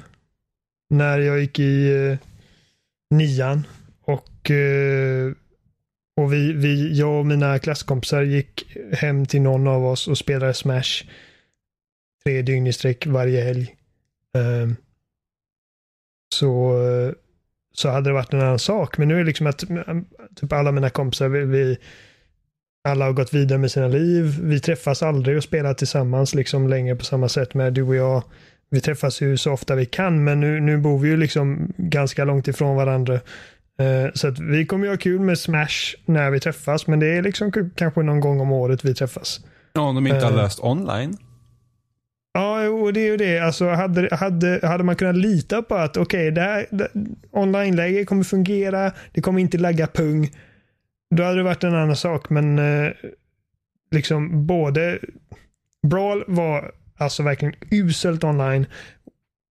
Wii U-spelet var inte mycket bättre. Det var fortfarande riktigt dåligt. Liksom jag spelade några matcher och jag bara, jag kommer aldrig röra detta igen, det går bara inte. Uh, så att jag är liksom inte i en position i mitt liv nu liksom att Smash har relevans för mig. Överhuvudtaget. För att det är, alltså det är inte ett spel jag kommer spela själv. Jag kommer inte sitta och spela Smash själv mot en AI liksom. Uh, Och då särskilt när spelet liksom ser ut att vara så likt föregående spel. Liksom, då, är det inte ens, då, då, då kan man inte ens hänga tillbaka på att åh, det ser ut som ett nytt liksom. Fan vad coolt det här ser ut. Så att det, liksom, jag, det känns som att det här har jag spelat flera gånger. I flera år. Så att. Ehm. Eh, men kul för er som gillar Smash och ser fram emot Smash. Jag bryr mig bara inte. Mm, men jag, alltså jag, är, jag, jag, jag ser jättemycket fram emot det. Jag tycker Smash är så roligt. Men eh, visst var det lite roligt liksom att typ hela den här, konfer- hela den här liksom, eller ja, åtminstone halva konferensen var liksom bara typ åh, vi har ändrat ansiktet på Wii Fit Trainer. Ja, alltså det, Eh. ja, alltså det, det, ja, det var så här bara nödvändig information liksom. Det, ja, det är, helt värdelöst. Det, det, som sagt, det kändes som, som att de gick igenom patch notes på en E3-konferens. Eller presentation, Nintendo Direkt. Ja. Eh, Ehm, och sen var det inget annat. nej, Inget. sen hade Thomas skrivit igen här. Eh, jag blev även intresserad av Damon X Machina för sin grafiska stil, den ösiga musiken och den till synes lika ösiga actioninriktade gameplayet och robotar är dessutom jävligt coola. Och Thomas och hans japanska skit. Alltså, fight me. Ja, jag... Eh, ja, det var ingen som intresserade mig heller, så jag har, inte, jag har inte skrivit upp någonting om det. Men det var kul för Thomas att han fick mer japansk mecka action. Förlåt Thomas för att vi inte för att vi inte har något att säga om det. Nej, alltså jag sak, alltså det var synd att vi inte fick se något typ mer från Prime 4. Det var synd att vi inte fick någon så här, nys om Animal Crossing. Eh, Pikmin 4 som typ ska ha varit typ i princip klart i flera år som jag har fått för er. Liksom ingenting. Inte ens Star Fox-spelet som ryktades innan liksom visades upp. Så det var Yoshi-spelet som visades förra året på E3 var inte med. Det är liksom såhär bara, jaha. Ja, Alltså, nej, precis. Det, alltså, jag, det jag räknade med att eh, Metroid inte skulle vara där bara för att sist fick vi bara en logga. Men lite och det, hade liksom, man kunnat det känns som hoppats. att Jo, man hade kunnat hoppas, men jag, jag räknar med att det inte skulle vara där. Helt enkelt för att det känns som att det är, liksom, det är inte alls tillräckligt långt in i utvecklingen för att visa något av värde där. Men liksom inget annat. Heller. Nej. Det var, det var, det var faktiskt... eh, det var väldigt det underwhelming. överraskade mig faktiskt. Eh, sen har vi Bethesda. Eh, som Mm. visade upp, vi fick se mer av Rage 2 helt enkelt. Eh, jag har inte jättemycket att säga om Rage 2 förutom att det såg väldigt mycket roligare ut den här gången än den- den första trailern de visade upp. Mm. Eh, nej, jag har inte så mycket att tillägga ha, heller. ha liksom Jag- fler abilities och liksom, det såg kul ut. Det, det känns som att de har liksom lite influerats av Doom också. Det, alltså det ser... Ja, men det tror jag tycker det ser säkert. helt okej ifall ut. Aid kommer med sin expertis till det så. Ja. Sen gillar jag ändå hur färgglatt Eh. det är jämfört med, med förra Rage. Precis, de, de, de sa det liksom att de vill inte bara ha öken utan de vill ha liksom flera olika biomes. Eh, och eh, de beskrev det som det är typ liksom klatschiga post post apocalypse liksom efter apokalypsen och nu börjar liksom det komma tillbaka lite grönska i princip. Ja. Eh, så att, eh, nej men alltså som sagt, jag, jag, jag har sagt i princip vad jag, vad jag har att säga om det. Jag, jag har inte så mycket att tillägga. Det ser, det ser helt okej ut. Sen fick eh, Doom en uppföljare i form av Doom Eternal. Mm, med löftet om att oh, vi kommer prata mer om det på Quakecon. Ja, Eh, så att det var liksom så här, inget att tillägga just inget nu. heller så här mycket, men det är väl kul att det kommer ett nytt Doom, även så jag hellre hade att Ja. det skulle heta Doom 2. För att, Doom Eternal, eh, ja det är lite konstigt. nej men folk fortsätter, du vet, de sitter med den här lilla hattlådan med typ fem lappar i sig för undertitlar och så varvar de dem och Ja. vartannat. Som Halo Infinite. Eh, Den har man inte hört förr. nej, precis. Eh, re, re, Resurrection och eh, Revelations och ja. Nej men eh, alltså de, de sa i princip att de kommer ha, eh, var typ dubbelt så många olika demoner och döda och typ Ja, det ska bara liksom vara liksom det där Cliffy B, bigger, better and more badass grejen av typen uppföljare. Det, det, det är bra, jag älskade Doom. Ser fram emot mer. Sen så, fick, så kommer typ också ish en spin-off-titel på Wolfenstein som heter Wolfenstein Young Bloods där man kommer få spela som BJ Blazkowicz tvillingdöttrar. Jag har många kompisar som tror att detta är liksom Wolfenstein 3. Nej. Alltså detta är liksom det stora och jag bara, nej det kan det inte vara. Alltså, Eller kan kan det väl, men det är, jag har så svårt att se det framför mig. Dels för att... Nej, inte, det här är typ spin-off-aktigt som The Old Blood. Precis, jag tänkte Young Blood, Old Blood, det blir skitbra och liksom ett co-spel. Scoots på 80-talet. Ja, ja, precis. Jag undrar bara typ, är det här canon? För att då är det så här, var kommer då i så fall Wolfenstein 3 utspela sig? Alltså kommer man typ få spela eh, som en gammal gaggig BJ Blazkowicz i 3 För det är så här att Alltså för då känner jag så här att utspela så här efter Wolfenstein 3, då bara såhär, jaha, kommer man misslyckas i Wolfenstein 3 då? För att de hade ju planerat det, det som en trilogi. Som... det sa de när, när tvåan exakt. kom, så de bara, ja, men vi har planerat de här Wolfenstein-spelen som en trilogi. Så att då är det så här att, är det här typ någon så alternativ verklighet till det universum som redan finns i Wolfenstein?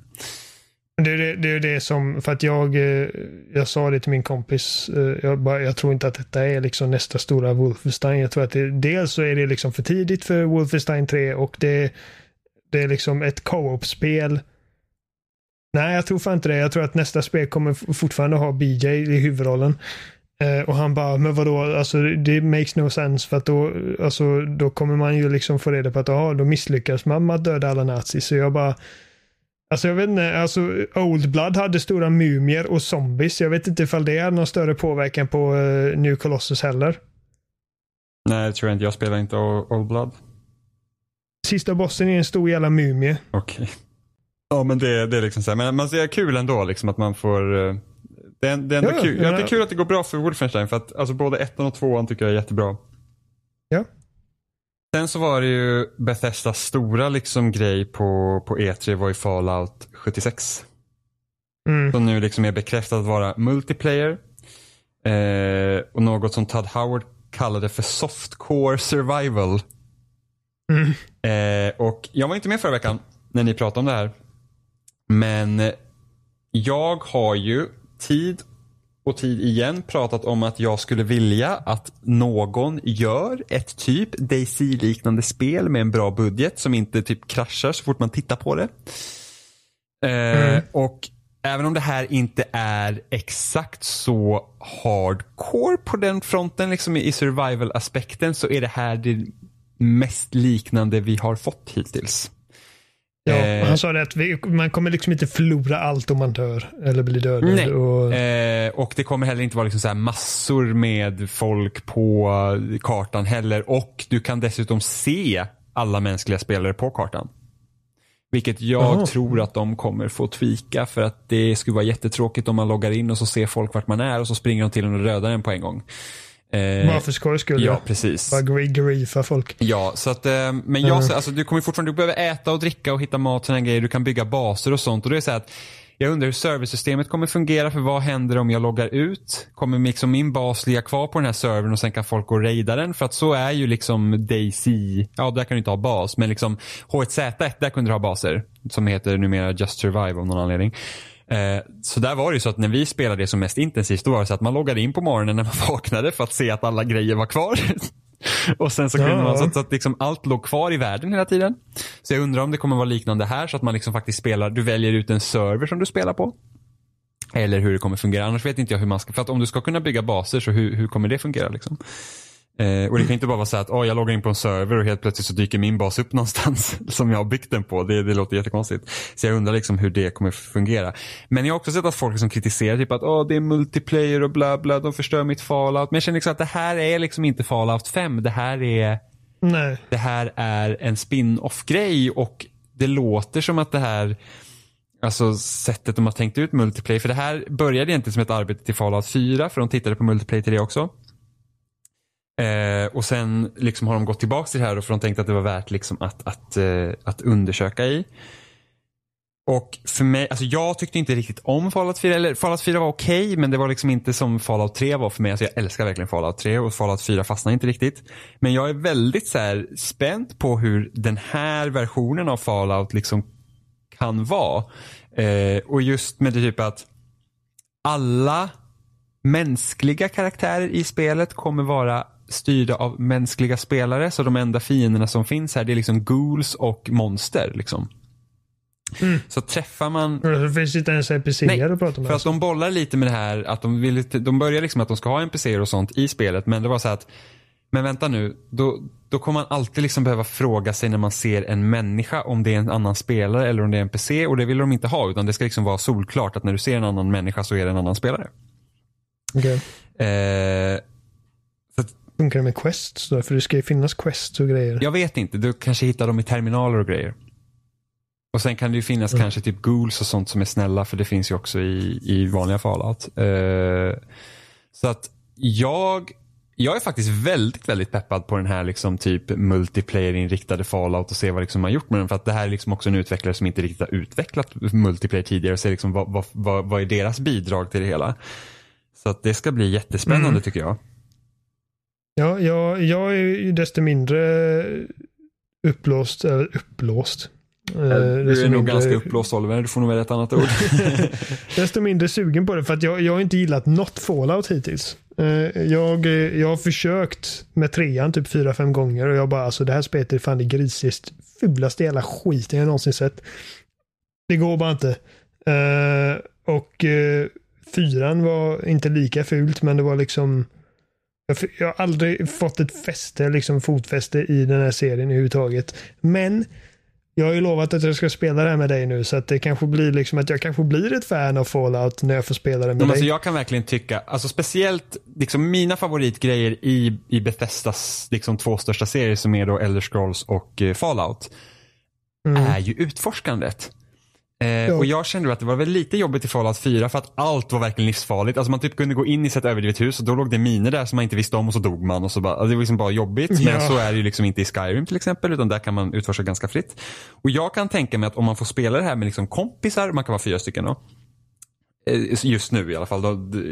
Noclip släppte en, eh, deras eh, Making of Fallout 76 tidigare idag. Och där pratar de om att just, just nu tror jag du, du, kan vara 24 stycken på en server. Så det är inte liksom många med tanke på hur stor kartan är. För att det inte ska bli så att du hela tiden liksom träffar på andra människor som kanske bara muppar sig. Eh, och du kan vara just nu fyra i ett party. Men de sa att det, det, är liksom, det är just nu. Det kan komma att ändras. Liksom. Eh, så att jag känner bara så att gå och utforska den här världen tillsammans med en kompis, alltså det låter helt fantastiskt. Alltså, för jag kan tänka mig, alltså jag får väldiga Minecraft-vibbar här också, liksom när man ska kunna bygga baser och liksom du måste samla resurser för att kunna bygga de här grejerna. Så att det känns som liksom Fallout goes Minecraft om man säger så. Så jag, jag, mm. alltså, jag peppar upp mig själv ganska mycket med det här, men det, det, jag, jag ser väldigt mycket fram emot det. Jag gillar peppade Jimmy, han är rolig så det, det är bara att peppa på. Så det, det, liksom, det släpps ju ganska snart eh, också. Eh, ja, Nej, men så jag, jag, jag, kommer spela det med dig så får vi eh, se om vi kan vända om mig till en Fallout-fantast. Ja. Eh, sen så visar de också upp sitt nya spel som, som är liksom deras första originella IP sen... Visade upp. Alltså ja. ja men det är deras första originella IP sen liksom typ ska, äh, Elder Scrolls, typ. Ja. Eh, och det är Starfield. Vi vet inte mycket om Starfield. Vi vet att det existerar. Det ser ut att vara sci-fi-spel. Det utspelar sig i rymden. Precis. Eh, och jag känner, alltså första frågetecknet bara så här, eller så här, jag hoppas, det, jag hoppas att det här inte känns som Fallout eller Elder Scrolls. Jag hoppas att det inte, ja. min, jag hoppas fortfarande att det är liksom ett stort RPG, precis som de liksom har sagt det ska vara. Det, det är fortfarande liksom deras typ av spel. Men jag vill inte liksom mm. ha så här jag vill inte ha samma struktur som det i Elder Scrolls eller Fallout. Jag vill inte att det ska kännas som att man spelar några av de spelen fast i en annan setting. För att även om Fallout och Elder Scrolls är olika från varandra så, så kan man ändå se likheterna väldigt, väldigt tydligt. Eh, så jag hoppas verkligen att det inte är det. Men samtidigt så är det så här att hmm, hur kommer de lösa den här rymdgrejen? För jag känner att är man i rymden så vill man gärna typ ha ett rymdskepp flera olika planeter? Kommer det finnas? Alltså, ingen aning. Mm. Vad tror du? Jag har ingen aning. Jag, alltså, jag har inte ens funderat över det. Alltså, mm. Faktiskt. Alltså loggan att, var jävligt uh, snygg. Det, det, liksom, jag tycker loggan ja. var klockren. Det var så här, wow. Loggan var riktigt snygg hur den liksom typ kommer tillbaka och in, in i sig själv i princip. Mm. Det, var, det var en fin logga. Uh, men eh, som sagt, alltså de, de sa så lite om det och vi, vi vet så lite om det och det liksom ligger så långt fram att det, jag, jag liksom inte... Jag tänker inte ens börja spekulera kring vad, vad, vad det kan vara för någonting. Jag hoppas på eget rymdskepp. Ja, jo, det var Hittills coolt. är det inget, okej nu har inte jag spelat lite Dangerous, men alltså det här med att man åker rymdskepp mellan olika planeter och sånt. Jo, det är Det hade varit nice. Ja. Eh, sen visade de också upp Elder Scrolls 6, eller vi fick en teaser av Elder Scrolls 6. Eh, och eh, det enda man egentligen kan ta från den teasern är att man börjar spekulera om var någonstans det kan tänka sig vara. Och det är det som man spekulerar om är att det ska vara High Rock eller Hammerfell och det är två stycken länder som ligger bredvid Skyrim. Just med tanke på att det var så mycket berg i, eh, i den teasern, vilket det är på de ställena. Och det är ju kul att de håller på med ett Elder Scrolls, men det här är väldigt långt fram också med tanke på att det har precis gått in i typ pre-production. Så Mm. det är ingenting som vi kommer få se snart. Nej, eh, samma där liksom. Att det, det är ingenting jag lägger mycket tankekraft på just nu. Nej, men det är kul med det är kul att, att det kommer i alla fall, att det liksom bekräftas. Ja, men det är det är både Starfield och Elder Scrolls 6 skulle jag säga är Next gen titlar Sen har vi Ubisoft. Yes. Eh, och de började visa upp Beyond Good and Evil 2 igen. Det spelet ser sanslöst ambitiöst ut. Ja, och det visste vi redan sedan innan. Uh, liksom Ja, med, med, med, de här den- videorna de släppte in förra året runt E3, liksom att vad det skulle vara för någonting. Det låter ju liksom fortfarande Ja. helt galet. Michel Ancel eh, visade någon teknikdemo som såg liksom helt sanslös ut. Eh, det ser fortfarande coolt ut. Uh, Jade är med tydligen. Vilket jag tycker, är, jag, jag tycker det är så himla konstigt. Alltså jag förstår inte hur vad det här har för koppling till första spelet. För att om Jade liksom typ är ond eller liksom var det, om det inte är typ en klon av Jade. Man liksom, för att ingenstans i första spelet så hintas det ju någon så att hon har liksom typ jobbat för någon typ ond organisation. Liksom. Hon var en journalist i första spelet. Typ. Man använder kameran för att Mm. fota grejer. Så att jag förstår liksom, alltså, det känns som bara en jätteskum koppling. Antar det. Jag, jag har inte jag har inte spelat klart Beyond Good and Evil. Jag, så att jag har liksom inte riktigt en liksom the knowledge att säga ifall jag tycker att det är konstigt eller inte. Jag hade liksom, men alltså för förra året så, fick, så sa de också att det var en prequel men det kändes som att det var mycket, mycket tidigare satt än vad det verkar vara nu ju. För att nu var liksom Mm. grisen som vi fick se nu, det är ju Page som är med i ettan. Men Ja. grisen vi fick se förra året var inte Page. Så att, ja, man får se. Eh, sen visar de upp The Mm. Division 2. Eh, jag har egentligen inte mycket positivt att säga om det förutom att jag tycker att det ser, det ser verkligen totalt ointressant ut. Det, det är inget jag är intresserad av heller. Nej, alltså det var verkligen så här, typ, alltså det är typ, det var så tråkigt på Microsofts konferens till exempel för att de visar typ inte gameplay på något och så visar de på Forza Horizon 4, vilket är så här att visa upp ett bilspel så där, ja det är ett bilspel, liksom, det säger inte så mycket mer än att det är ett bilspel. Och sen The Division 2 som såg exakt ut som Division 1. Förutom att det inte var snö nu och det var typ lite grönt. Men alltså annars var det så här att, ja, det, det är liksom, det är det jag inte tyckte om med The Division helt enkelt. Ja, nej, jag, den, alltså, nej. jag var inget fan av första division så jag förväntar mig inte att, att bli omvänd Nej, men alltså, jag tror inte att det här är en Destiny-situation för mig heller. Liksom att jag Nej, gillar tror inte nej, jag Destiny tror 1, inte. men Destiny 2 tyckte jag var rätt så kul. Men det här ser verkligen bara ut som mer The Division typ. Eh, Mm. Sen fick vi se mer av Skull and Bones som typ nästan såg mer ut liksom att vara strukturerat typ som Sea of Thieves. Nästan. Liksom jag fick mycket mer Sea of Thieves-vibbar här än vad man fick förra året. För då var det nästan bara så straight up multiplayer. Eh, Ja. Jag lyckades ju lura mig själv totalt när jag såg den här trailern. För förra året när de visade upp så här pirat, jag bara fuck yeah, piratkampanj vill jag ha. Och så visade det bara vara multiplayer. Och jag lyckades göra exakt samma grej i år för att det kom först upp bara så här piracy is dead. I någon sån här font. Och jag trodde att det var ett nytt spel som hette Piracy Hur kunde du inte med en gång Jag klippa vet liksom, inte! Jag var så jag till... bara oh my god it's happening och sen typ så här, så här gick det för mig. Jag var så här oh my god ett nytt piratspel Piracy dead vilken cool titel och fy fan vad ska det här handla om? Och sen så bara fan vad konstigt att de har två piratspel. De har ju Skull and Bones också. Ja men det här kommer bli så coolt och sen bara det här är nog Skull and Bones. Fan!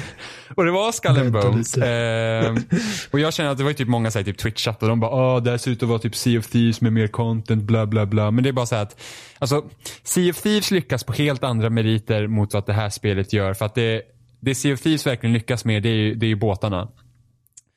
Eh, ja, att det är liksom en team effort att styra ja, båten. Med, Medan det här ser ut exakt båtgrejerna från Assassin's Creed. Och, det, och jag, de är ärligt talat inte sådär jätteroliga. Alltså båtgrejen alltså jag... i Assassin's Creed Origins var ju absolut det tråkigaste i hela det spelet. Alltså jag typ genomled de sektionerna. Hade detta varit ett, ett single player-äventyr så hade jag varit all over det. Men eh, men liksom i multiplayer-format är jag inte så här jätteintresserad. Det ser, det ser bra ut, det ser väl, välgjort ut. Ganska snyggt. Uh, pirater är coolt. Men uh, jag, är inte inte... Jag, jag, bara, jag bara hade önskat att, liksom, att det var typ, uh, för att det är som jag har sagt om Assassin's Creed 4, det spelet är ett av de bästa Assassin's Creed-spelen på grund av att det är liksom ett bra piratspel i princip. Mm. Och det som drar ner det spelet är Assassin's Creed-delen av spelet. Ja. Så att jag, jag, jag har alltid önskat liksom att de skulle göra att, varför hade de inte gjort liksom Black Flag till sin egen serie istället? Precis som Watch Dogs är en egen serie, även om det har liksom Assassin's Creed-DNA i sig. Ja. Uh, men uh, så, så, att när de visade Skull and Bones förra året, jag bara åh, är det detta? Det, det detta? Och sen så bara, nej, det är typ For Honor liksom. Det är multiplayer-spel. Och då bara, okej, okay, nej, då är, det, då är det inte för mig. Ah, sen visar de upp Assassin's Creed Odyssey också. Eh, vilket det, släpps ja. i år, vilket jag tycker är lite tråkigt. Eh, att de liksom går tillbaka till att liksom släppa det årligen igen. Mm. Eh, även om jag tycker ja, att det här ser ändå, jag vet inte om det här känns att det är mer fokuserat än Origins, att det inte är lika stort.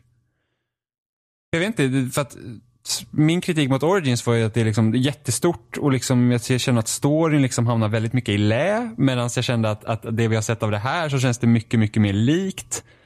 Eller jag menar mycket mer storyfokuserat på det sättet. Just att du har de här två karaktärerna du kan välja på. Du har typ dialogval. Det ska typ finnas romanser och grejer i Så det verkar vara mycket mer fokus på berättelsen. Med Origins så blev ju Assassin's Creed liksom ett action-RPG och jag tror att med det här spelet så kommer de liksom luta ännu mer åt RPG med liksom dialogval och din egen karaktär. Även om det verkar som att det är liksom två uh, du kan inte göra din egen karaktär men du kan välja liksom antingen man eller kvinna. Eh, och eh, och hela den faderullan. Så att eh, jag tror att det kan vara rätt val för den här serien. Liksom att bli lite mer av ett rollspel. Eh, för att liksom liksom ta distans från alla andra open world-serier de har. Eh, men eh, den här demon gjorde inte så mycket för mig. Eh, Okej, okay, jag känner när jag fick se det i rörelse, jag var såhär wow, jag blev faktiskt lite peppad, vilket är helt otroligt. Jag trodde inte, för att när jag, hade sett de här bilderna innan så var det verkligen så att det här ser exakt ut som Origins. Alltså, jag hade typ, alltså hade någon sagt att det var Origins så hade jag typ, ja ah, okej. Okay. det är exakt så det ser ut, allt är ju likadant. Och, eh, jag tycker att det, det, visar på otrolig, liksom alltså verkligen djupsinnig brist på självkänsla eller självdistans när man har en E3-demo med ett Assassin's Creed-spel som börjar i princip med att man ska följa en karaktär. Eller följa, följa en NPC och gå liksom typ så här. Alltså det är den typen av liksom uppdragsdesign som man har blivit mest hånad för i princip. Uh, sen start och det är liksom en del av din E3 konf liksom konferenspresentation. Ja, och Origins var ju typ, alltså det var ju mycket sånt i Origins. Man fick följa uh, efter folk. Hela tiden. Det var så här, går dit, jo, sen följ efter mig och så gick man och så pratade de om någonting som man absolut inte bryr sig om. Precis, och det, det är ju sånt som händer i typ nästan alla open world-spel. Men just liksom att, att ha det liksom i fokus på en gameplay-demo, det bara... Ja, oh, nej. Usch. Uh, men uh, jag, vet inte, jag, jag, jag lär spela det för att uh, liksom, antika Grekland är ju liksom en av de settings som jag har velat ha sedan Assassin's Creed 2 i princip. Uh, och Jo, men, men jag gillar ju Origins betydligt mer än vad du gjorde också. Så att, att det liksom är mer av den varan kommer ju liksom inte störa mig så. Det var bara att just den här demon gjorde inte så mycket för mig. Men jag kommer spela. Jag känner så att jag, det värsta, alltså om det skulle vara typ lika stort som Origins, alltså jag känner att man, man orkar inte spela ett sånt spel varje år. Det är liksom för, det är liksom för strömlinjeformat i sig självt och så jävla, alltså Origins tog ju typ 50 timmar och jag verkligen liksom försökte skynda på. Alltså, och, och, liksom, och det mesta man gjorde i Origins var egentligen helt meningslöst. Precis som många andra av Ubisofts jävla open world-spel. Så att det är det som, alltså, alltså risken finns ju att de liksom bränner ut varumärket igen. Ja, och alltså precis. Jag, det spelar ingen roll hur bra spelen ser ut. Jag känner att eh, jag hade mycket hellre sett att man låter det liksom andas lite. Eh, att jag tror att det är nog en av de största anledningarna till att jag liksom hade så roligt med Origin som jag hade var liksom att det var ett år där vi inte hade fått spela Assassin's Creed liksom. Man har fått, man har fått vila lite. Um, så att, eh, ja. Men samtidigt så det var väl det man, det var det jag räknade med. Alltså de, tog, de tog ett år. Ett sabbatsår liksom. För att gå tillbaka till ritbordet lite. Och nu när, de, nu när de har hittat sin nya riktning så är det liksom back De to bara eh, fem back spel i utveckling vanligt. samtidigt. Nu jävlar, nu har vi Assassin's Ja. Creed för 25 år framåt. Ja, ja, men det, det tror jag säkert att det, det är så det är. Liksom att de har liksom sin, sitt, sin plan för de här spelen utlagda redan för flera år framåt. tycker jag ändå det är rätt så intressant. Alltså det är rätt så intressant att du kan välja karaktär, att du kan spela som kvinna eller man. Samtidigt tycker jag att det är väldigt intressant att de inte vill hänge sig åt att du spelar bara som en kvinna. Det var min första Även om reaktion. de har haft bara, alltså, det ha med Liberations. Men Liberations är ju inte ett mainline-spel på det sättet. Det kan ju mer Nej, liksom, det är en spin-off. Men liksom att det är så att vi kan ha en kvinna med om du också kan spela som en man. Ja, alltså jag... Nej, jag vet inte. Jag, jag, det var min första reaktion också. Jag kände bara, gör bara spelet. Alltså bara gör det till en kvinnlig protagonist för helvete. Jag... Alltså, typ, alltså det är en annan sak i spel som, om man säger Cyberpunk eller eh, liksom eh, Mass Effect eller Skyrim, när du ska göra din karaktär och att man då kan välja liksom kön och bla bla. Det är inga problem alls. Men när det handlar om, som i det här fallet, där det är liksom två distinkta karaktärer som har liksom, du kommer liksom inte det är inte din karaktär. Hon har ett namn. Han har ett namn. De har sina bakgrunder. Liksom. Då känner jag bara, alltså, det känns det som att jag kommer missa någonting oavsett vilket, vilket, vilken karaktär jag väljer. Mm. Eh, så då känner jag bara, alltså, gör det bara. Liksom, välj din karaktär. Och kör på den karaktären. Mm. Hänge dig Ja, till ja, men någonting. alltså, det är liksom så här, jag tycker det är så konstigt. Alltså varf, vad, är, vad är problemet här egentligen? liksom om man vill vara lite så konspiratorisk, så här, varför? För det var ju samma sak med Assassin's Creed Syndicate, för de fick ju väldigt mycket kritik från Unity när du inte kunde spela som kvinna och de bara, Åh, det är svårt att animera kvinnor typ. liksom där, ja, det är, det är inte svårt längre. Nej, och sen så bara, ja men så kom Ehm. Syndicate och då fick du spela som en kvinna och manlig karaktär liksom samtidigt. Men liksom, de har fortfarande inte haft liksom ett mainline Assassin's Creed där du faktiskt är kvinnan som är eh, huvudkaraktären så att säga. Nej. Ja, men alltså i Syndicate tycker jag det fungerar för att då har Ja, du, liksom, du har uppdrag med Ivy och du har uppdrag med Jacob. Men här är det liksom att du, du kommer exkludera någon av karaktärerna Ja. För, oavsett vem du väljer. ja. Så att det är så här, det lite, jag, jag, det är bara så här, jag, undrar, jag undrar, jag undrar var, alltså jag ska bara vara nyfiken på varför. Alltså, och jag, jag, jag tror, Undrar om inte, undrar om inte det är liksom bara för att ja, men vi vågar inte göra de här liksom gamer-dudesen sura. Det är så töntigt. Alltså det, det kommer vi, Men jag förstår inte varför de annars skulle liksom göra Nej, så jag här. känner också det. Och då är det så här, vi kommer komma till det när vi pratar om, när, när jag nämner Battlefield 5 för att eh, vi fick ett så himla bra svar därifrån. Ehm, sen hade Square Enix en väldigt kort trailer reel konferens på typ en halvtimme. Och Vi ska Mm. inte prata så mycket egentligen om, om det för att det var typ så här, jag skrev upp Shadow of the Tomb Raider och jag känner fortfarande liksom att de spelen känns som att de är fast i någon så designfilosofi från 2012. Det är liksom så här, typ allt ska rasa runt omkring en. Det är liksom så här typ eh, så här, åh nej, karaktären är i fara fast vi vet att karaktären egentligen inte är i fara för att det är huvudkaraktären. Du vet den här uncharted-grejen, allt går sönder, allt tittas ner och man uh, håller i kanten och bla bla bla. Så jag, jag känner mig så opepp på Shadow of the Tomb Raider.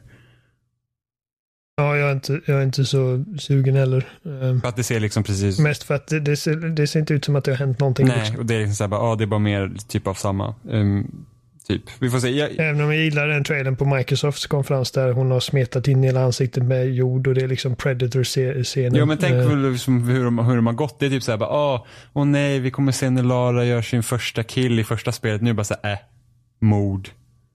Det är liksom så här, hela, hela den framingen av hennes resa har ju varit så himla konstig just med tanke på att de, de gjorde till en Ja. så stor grej av att hon inte hade dödat någon och sen så bara, vet du vad, vi slicear upp hur som helst. De har inte gjort ett bra jobb Nej. med berättelsen eller karaktäriseringen. Nej. Jag tycker att den här Lara är liksom det tråkigaste Lara som någonsin har funnits. Eh, och eh, även om jag tycker att spelen i sig är liksom, de är ju kompetent gjorda. Jag tycker att de har varit roliga för vad de har varit. Men eh, de är liksom sådana, det är liksom disposable entertainment för mig. De gör liksom inget intryck på mig. Nej, precis. Eh, sen visar Platinum Games upp ett nytt spel som heter Babylons Fall. Eh, som vi inte fick se så mycket mer av förutom att det såg att vara ett actionpackade strider och det här är PS4 slash PC exklusivt. Kommer inte till Xbox One. Eh, det, jag kände bara att det var värt att nämna för att jag ändå såhär, åh, oh, alltså Platinum Games är on a roll nu så att det är kul. Ja, all, mer från Platinum är alltid bra. Mm. Sen fick vi också se någon så här konstig trailer för ett spel som heter The Quiet Man. Det var väldigt så här, typ så här blandning av gameplay och så här real time. eh, Alltså någon jävla konstig trailer med skådespelare och grejer. Det var så här, vad, vad är detta? Och jag, det enda jag skrev här liksom att det verkar som att den här eh, huvudpersonen är döv. Mhm. Alltså, någon, alltså jag skulle gissa på att nå, någonting med ljudet kommer påverka spelmekaniken här. Så det var det, var det enda jag liksom var lyfta som var intressant. Eh, Eftersom ja, The Quiet Man, antingen är han döv eller stum eller någonting sånt. Att jag tror att ljudet kommer påverka spelmekaniken. Så det, var, så det var intressant. Men det var typ allt från Square Enix. Alltså jag bryr mig verkligen inte om Kingdom Hearts. För att jag inte spelar någon Kingdom Hearts. Eh, så att jag har ingenting att säga om det. Men kul för er som får det egentligen. Sen har Ja, det har varit en lång väntan sedan Kingdom Hearts 2. Ja. Ja, och det räcker ju inte med att bara spela ettan och tvåan för att förstå trean heller. Sen har de typ hundra jävla andra minispel och mobilspel och skit för att förstå storyn som ändå typ ingen annan förstår. Jag har typ sett så här utdrag från, från när folk försöker sammanfatta storyn och man bara, jag fattar fortfarande ingenting.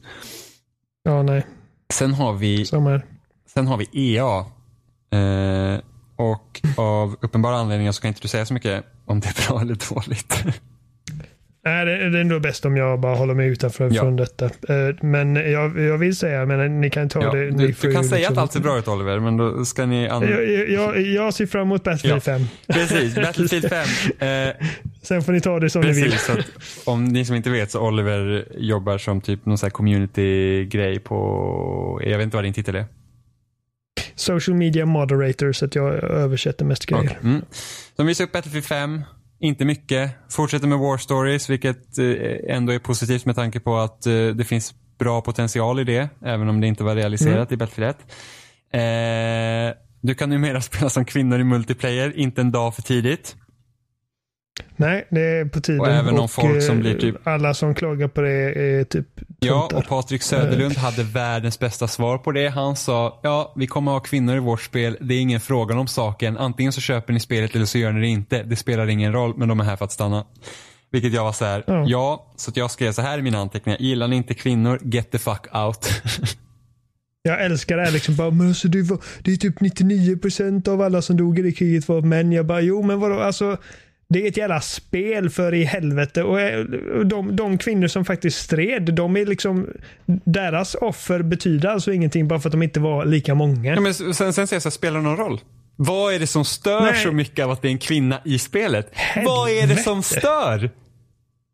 Vad? Jag, eh, More historical ja. accuracy. Ja men visst, jävlar vad andra världskriget har varit bra mycket jobbigare om alla kunde respawna. Det hade ju varit skitdrygt. Ja, men det räknas inte. Nej men varför inte det? Egentligen. Eh, Eller så borde det vara så att du eh, köper jag- spelet, du dör en gång i multiplayer, fine, nu kan du aldrig mer spela längre. Du är död. Idiot. jag, eh, jag, jag, jag förstår liksom att det här har blivit en grej, men jag bara, jag, jag förstår inte var, varför man varför man bryr sig så jävla mycket. Det är liksom, du behöver inte spela som kvinna. Nej och sen så här typ också när man typ säger så här, ah, men det, alltså så fort det typ är en kvinna eller en så fort det är en karaktär i ett spel som inte är vit man, då är spelet politiskt by default. Då är det SJW. Ja, och man var så här alltså, nej. Det är liksom, det, det behöver inte vara någon jävla norm att du spelar som en man. Och det är liksom så här, bara, ah, det är default. Det är ju en norm. Jo, jag vet. Men det ska ju inte, Men det, det- liksom, men det, det ska inte vara så att fort liksom- man avviker från den normen, då bara, ah, nu är spelet politiskt helt plötsligt. Nej, jag vet. Det är så jävla det är så jävla, jag blir så, är jävla irriterad. osäkra små pojkar. Men det är ju inte små pojkar heller. Det är Nej, vuxna men de beter människor. sig som ja, små pojkar. Jag fattar inte. Jag bara så, Det är liksom, Ja, nej, det, herregud, det, är alltså, jag, jag, jag vet att de har ju liksom haft den här diskussionen, men ska vi ha kvinnor i spelet i, alltså, jättelänge nu liksom? Ja, jag, ja, jag kommer ihåg typ för, jag kommer ihåg det blev, det, när Hardline kom ut så blev det redan snack där. Om att, åh det var inga kvinnor. Och även Battlefield 4 tror jag vi pratade innan, så det vore kul om man kunde spela som tjej liksom. Eh, Ja, och det är liksom... och jag alltså, var ju helt övertygad ja, om att Battlefield, alltså det, det som då var Battlefield 1 skulle ha kvinnor. Jag bara, de kan ju inte se bort från den här kritiken nu. Det har ju liksom varit på pappret hur länge som helst och Call of Duty hade liksom haft kvinnliga soldater hur länge som helst. Men äntligen så händer det. Så det, nej, det, det är bra. Men jag tror att alltså, det känns ändå som att de kommer liksom, de människor, de människor som de vinner över kommer nog väga mer än de de förlorar. Eh, för att de som är, de människor som inte bryr sig om att det nu är kvinnor med och liksom även de kvinnor som nu känner sig representerade. De, de sitter inte på internet och skriker sig hesa över det så att de syns inte på samma sätt. Nej, men de kommer ju inte förlora någon som sitter och säger att de inte ska köpa spel för att en kvinna på omslag. De kan inte, alltså de kan inte hålla sig från sin vapenporr. De kommer ju köpa det ändå. Det är liksom så himla, Ja, så himla meningslöst. Men herregud, spela som tjej, spela som man. Vad fan spelar det för roll? Alltså jag undrar verkligen, vad är det som, vad är det de egentligen stör sig på? Det ska vara korrekt.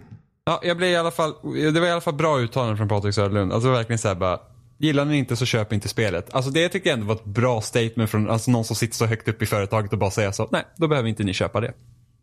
Ja, för, för någon som liksom givetvis vill att så många som möjligt ska köpa det och ändå säga typ att men fuck you då. Mm. Liksom, dra, det, jag skiter i ifall du köper eller inte. Det är ganska bra. Ja, och det är Ehm, bra. och det var någon, av, någon på DICE-teamet som för ett par veckor sedan när de utannonserade spelet eh, sa liksom att vi kommer alltid sätta fun före authenticity. Ja, men så här, Battlefield Eh. 1 är ju, alltså Battlefield 1 har ju så många olika liksom grejer som inte, hade, som inte finns i, i, i första världskriget. Jag är ingen historiker. Nej men liksom alltså, typ bara jag- det att du typ har vapen som fungerar typ som automatkarbiner, det existerar ju liksom inte.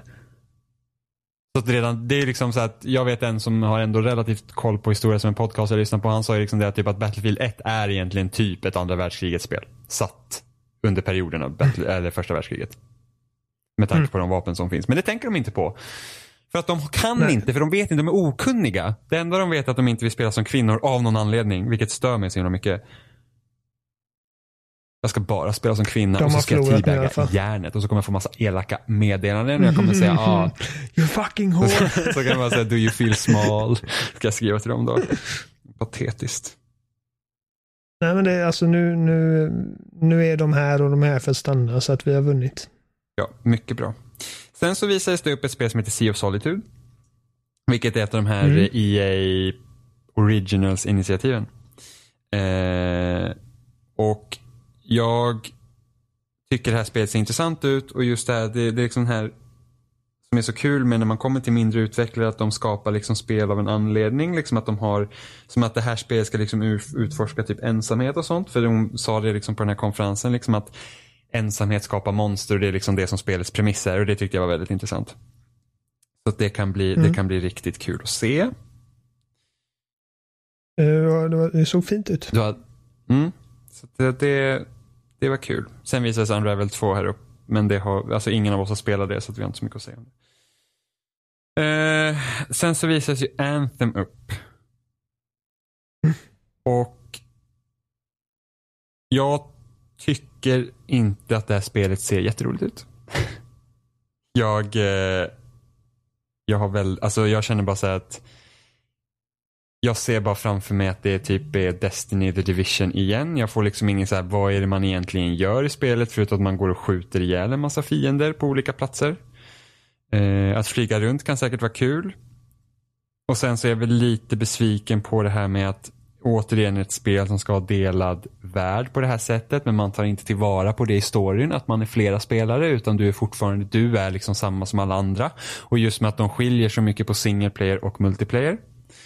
Så att du har ju liksom den här staden som ska vara i single player som liksom är din, det är där du får liksom storyn och sen när du går ut på uppdrag teamar upp med andra människor och då gör ni uppdraget tillsammans och sen går du tillbaks till din stad. Vilket gör liksom att det känns som att multiplayer är liksom mer kanske lik som Monster Hunter här.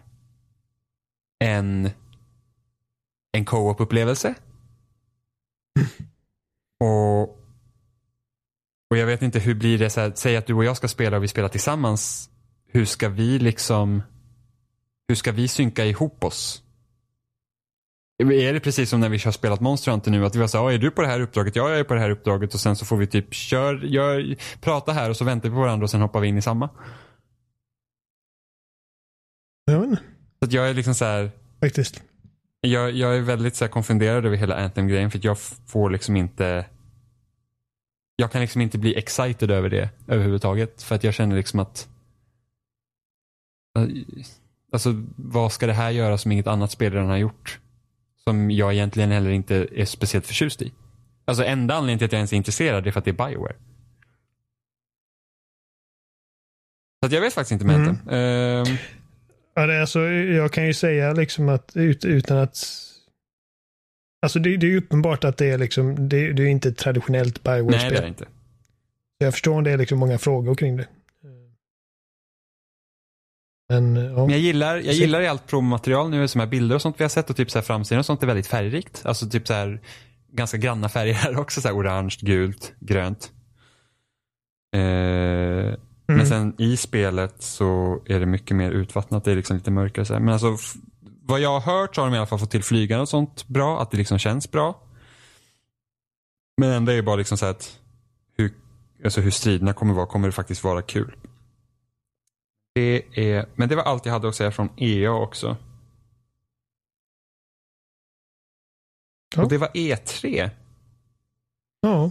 Så vilket, vilket spel, vilka tre spel Oliver tycker du har varit bäst? Oj, tre. Alltså jag bara vet att det, det är Jag spelet bara som vet jag tycker... Jimmy!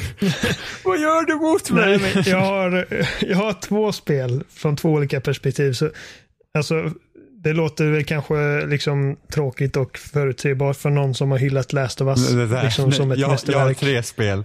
Battlefield 5. Anthem. och... Måste kolla.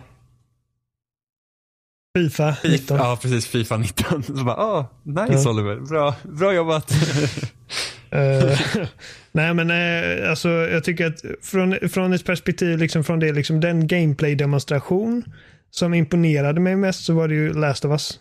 Eh, men om jag måste, om, om jag fick välja ett spel av alla spel som har visats just nu eh, som ett alltså superfan av Devil May Cry så måste jag säga att liksom, för jag fick välja ett enda spel på E3 som jag kunde få i min hand nu och börja spela nu så hade jag valt Devil May Cry 5. Så Devil May Cry och Last of Us 2. Ja, och, och, om du, och nu när vi säger tre då, så, så Cyberpunk 2077 hamnar Mm. på tredje plats där på liksom typ mest imponerande och liksom mest lovande. Mm. Nu satte jag ju mig själv on the spot här. jag måste tre. Jaha, tre! ens, nej. eh, nej, men jag håller Cyberpunk definitivt. Alltså, och det här Cyberpunk hamnar ju här enbart på grund av det vi har läst om spelet nu. För att den trailern vi fick se var ju inte liksom, av, av, det, av bara trailern att döma så hade inte jag kunnat liksom sätta upp det som liksom att åh det här ser jag mest fram emot av det vi såg. Liksom. nej Utan precis. det är vad som har kommit ut efter. Så Cyberpunk absolut. Och nu bara genom den här podcasten så jag typ hypar upp mig mer på Cyberpunk. Eh, Så Cyberpunk. Fallout 76. Eh, jag är, alltså det är just det här multiplayer-perspektivet av Fallout 76 och på förhand så trodde jag faktiskt inte jag att jag skulle liksom vara så pepp på Fallout 76 som jag faktiskt är. Men jag känner liksom att jag har väntat på det här så länge att någon AAA-utvecklare ska försöka ta vara på det här konceptet. Och liksom, det var ju det vi hoppades på med The Division.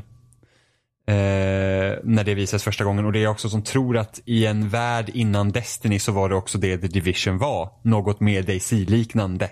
Och sen släpptes The Division och det var så här. Nej, sen släpptes Destiny och alla bara Hmm, det här kan nog ge oss pengar. Och sen så kom visa sig att det riktiga pengar kom var eh, Battle Royale-lägen. Mm. Och det tredje spelet är Sable. Nej, okej. Ja. Det, alltså det, jag tänker, alltså det, det känns som att det är typ någon journey-liknande spel. Eh, och liksom bara så här, typ att utforska den platsen. Alltså det, alltså det spelet är så sjukt snyggt. Alltså du måste typ se trailern på den. Alltså det, det är så sjukt snyggt det spelet. Jag får kolla upp det efteråt. Ja, här. alltså det är liksom, Att, eh, när du säger Sable så ringer det ingen klocka. Nej. De kan inte ha visat nej det det. visades en liten snutt på uh, ID1 Xbox-reelen. Och sen släppte de en full trailer som man har fått se och sen pratar de om det lite om det på PC Gaming Show. Okej, ja men det ska komma upp. Hur stavas det? S-A-B-L-E. Okej. Så det är de tre spelen som jag nu ser mest fram emot. Härligt. Och det var Kan vi bara snabbt avsluta här nu för att jag eh, måste gå och skita. Vi har suttit här i Jag tre vet, timmar vi och ska 15 avsluta. minuter. Jag sa precis vi har suttit där i tre timmar nu. Jag har...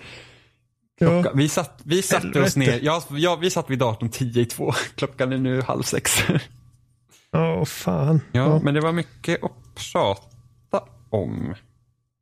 ja, det brukar bli Jag så. vet, men jag tror fortfarande att det här är vårt längsta E3-avsnitt någonsin hittills i alla fall. Alltså, Jag vet inte. och det är ändå bara två av Jag oss. vet! Det är helt sjukt. Men jag tror att jag skrev upp mycket fler spel nu än vad jag brukar göra. Och sen, Ja. och liksom, ja, vi har haft mer samtal kring det. Vi hade en väldigt lång diskussion om Halo. Vi har haft väldigt dis- lång diskussion om våld i Last of Us 2. Vi hade väldigt lång diskussion om Cyberpunk. Jävla Microsoft som visar upp så mycket spel. Det är deras fel, för vi tog en timme på Microsoft. eh, ja, men eh, ni hittar oss som vanligt på spelsnack.com. Där har vi länkar till alla sidor ni kan hitta oss på. Ni kan gå in på YouTube slash spelsnackpodcast. Ni kan följa oss på Twitter på spelsnackpodd. Ni kan följa oss på Instagram på spelsnackpodd. Eller Spelsnack podcast. Det är lite pinsamt för jag som sköter Instagram-kontot. Jag kommer inte ihåg vad vi heter. Men spelsnack någonting. Spelsnack eller spelsnack podcast på Instagram. Vi fick inte bara spelsnack där. Ni kan dessvärre inte följa oss på loading.se längre för att den sidan finns inte. Eh, vilket är väldigt tråkigt. Men, End of an era. ja. Men, jag kan säga som så att vi planerar att försöka göra någonting. Mer än så kan jag inte säga. Saknar ni loading så mycket så har vi faktiskt en Discord-kanal och vi finns på Facebook. Så att jag tror att om ni söker på Facebook gamla loading så tror jag ni kommer till vår Facebookgrupp. Eh, och jag tror att på Discord så heter vi bara, nej det verkar heta gamla loading på Discord också. Nu vet inte jag hur man söker på Discord och sånt men vi, om ni går till Facebookgruppen så finns det länkar till Discord-kanalen där och där har vi massa olika kanaler som försöker likna forumet så mycket som möjligt. Så om ni har abstinens så kan ni gå dit och prata med folk. Var det allt? Tror du? Ni kan följa oss på Twitter också, jag heter Seppla13 och Oliver Ja. heter Oliver Thulin Yes. TH. med TH. Så tackar vi för oss och så hörs vi nästa vecka. Det gör vi. Bye! Tack för den här gången. Hej.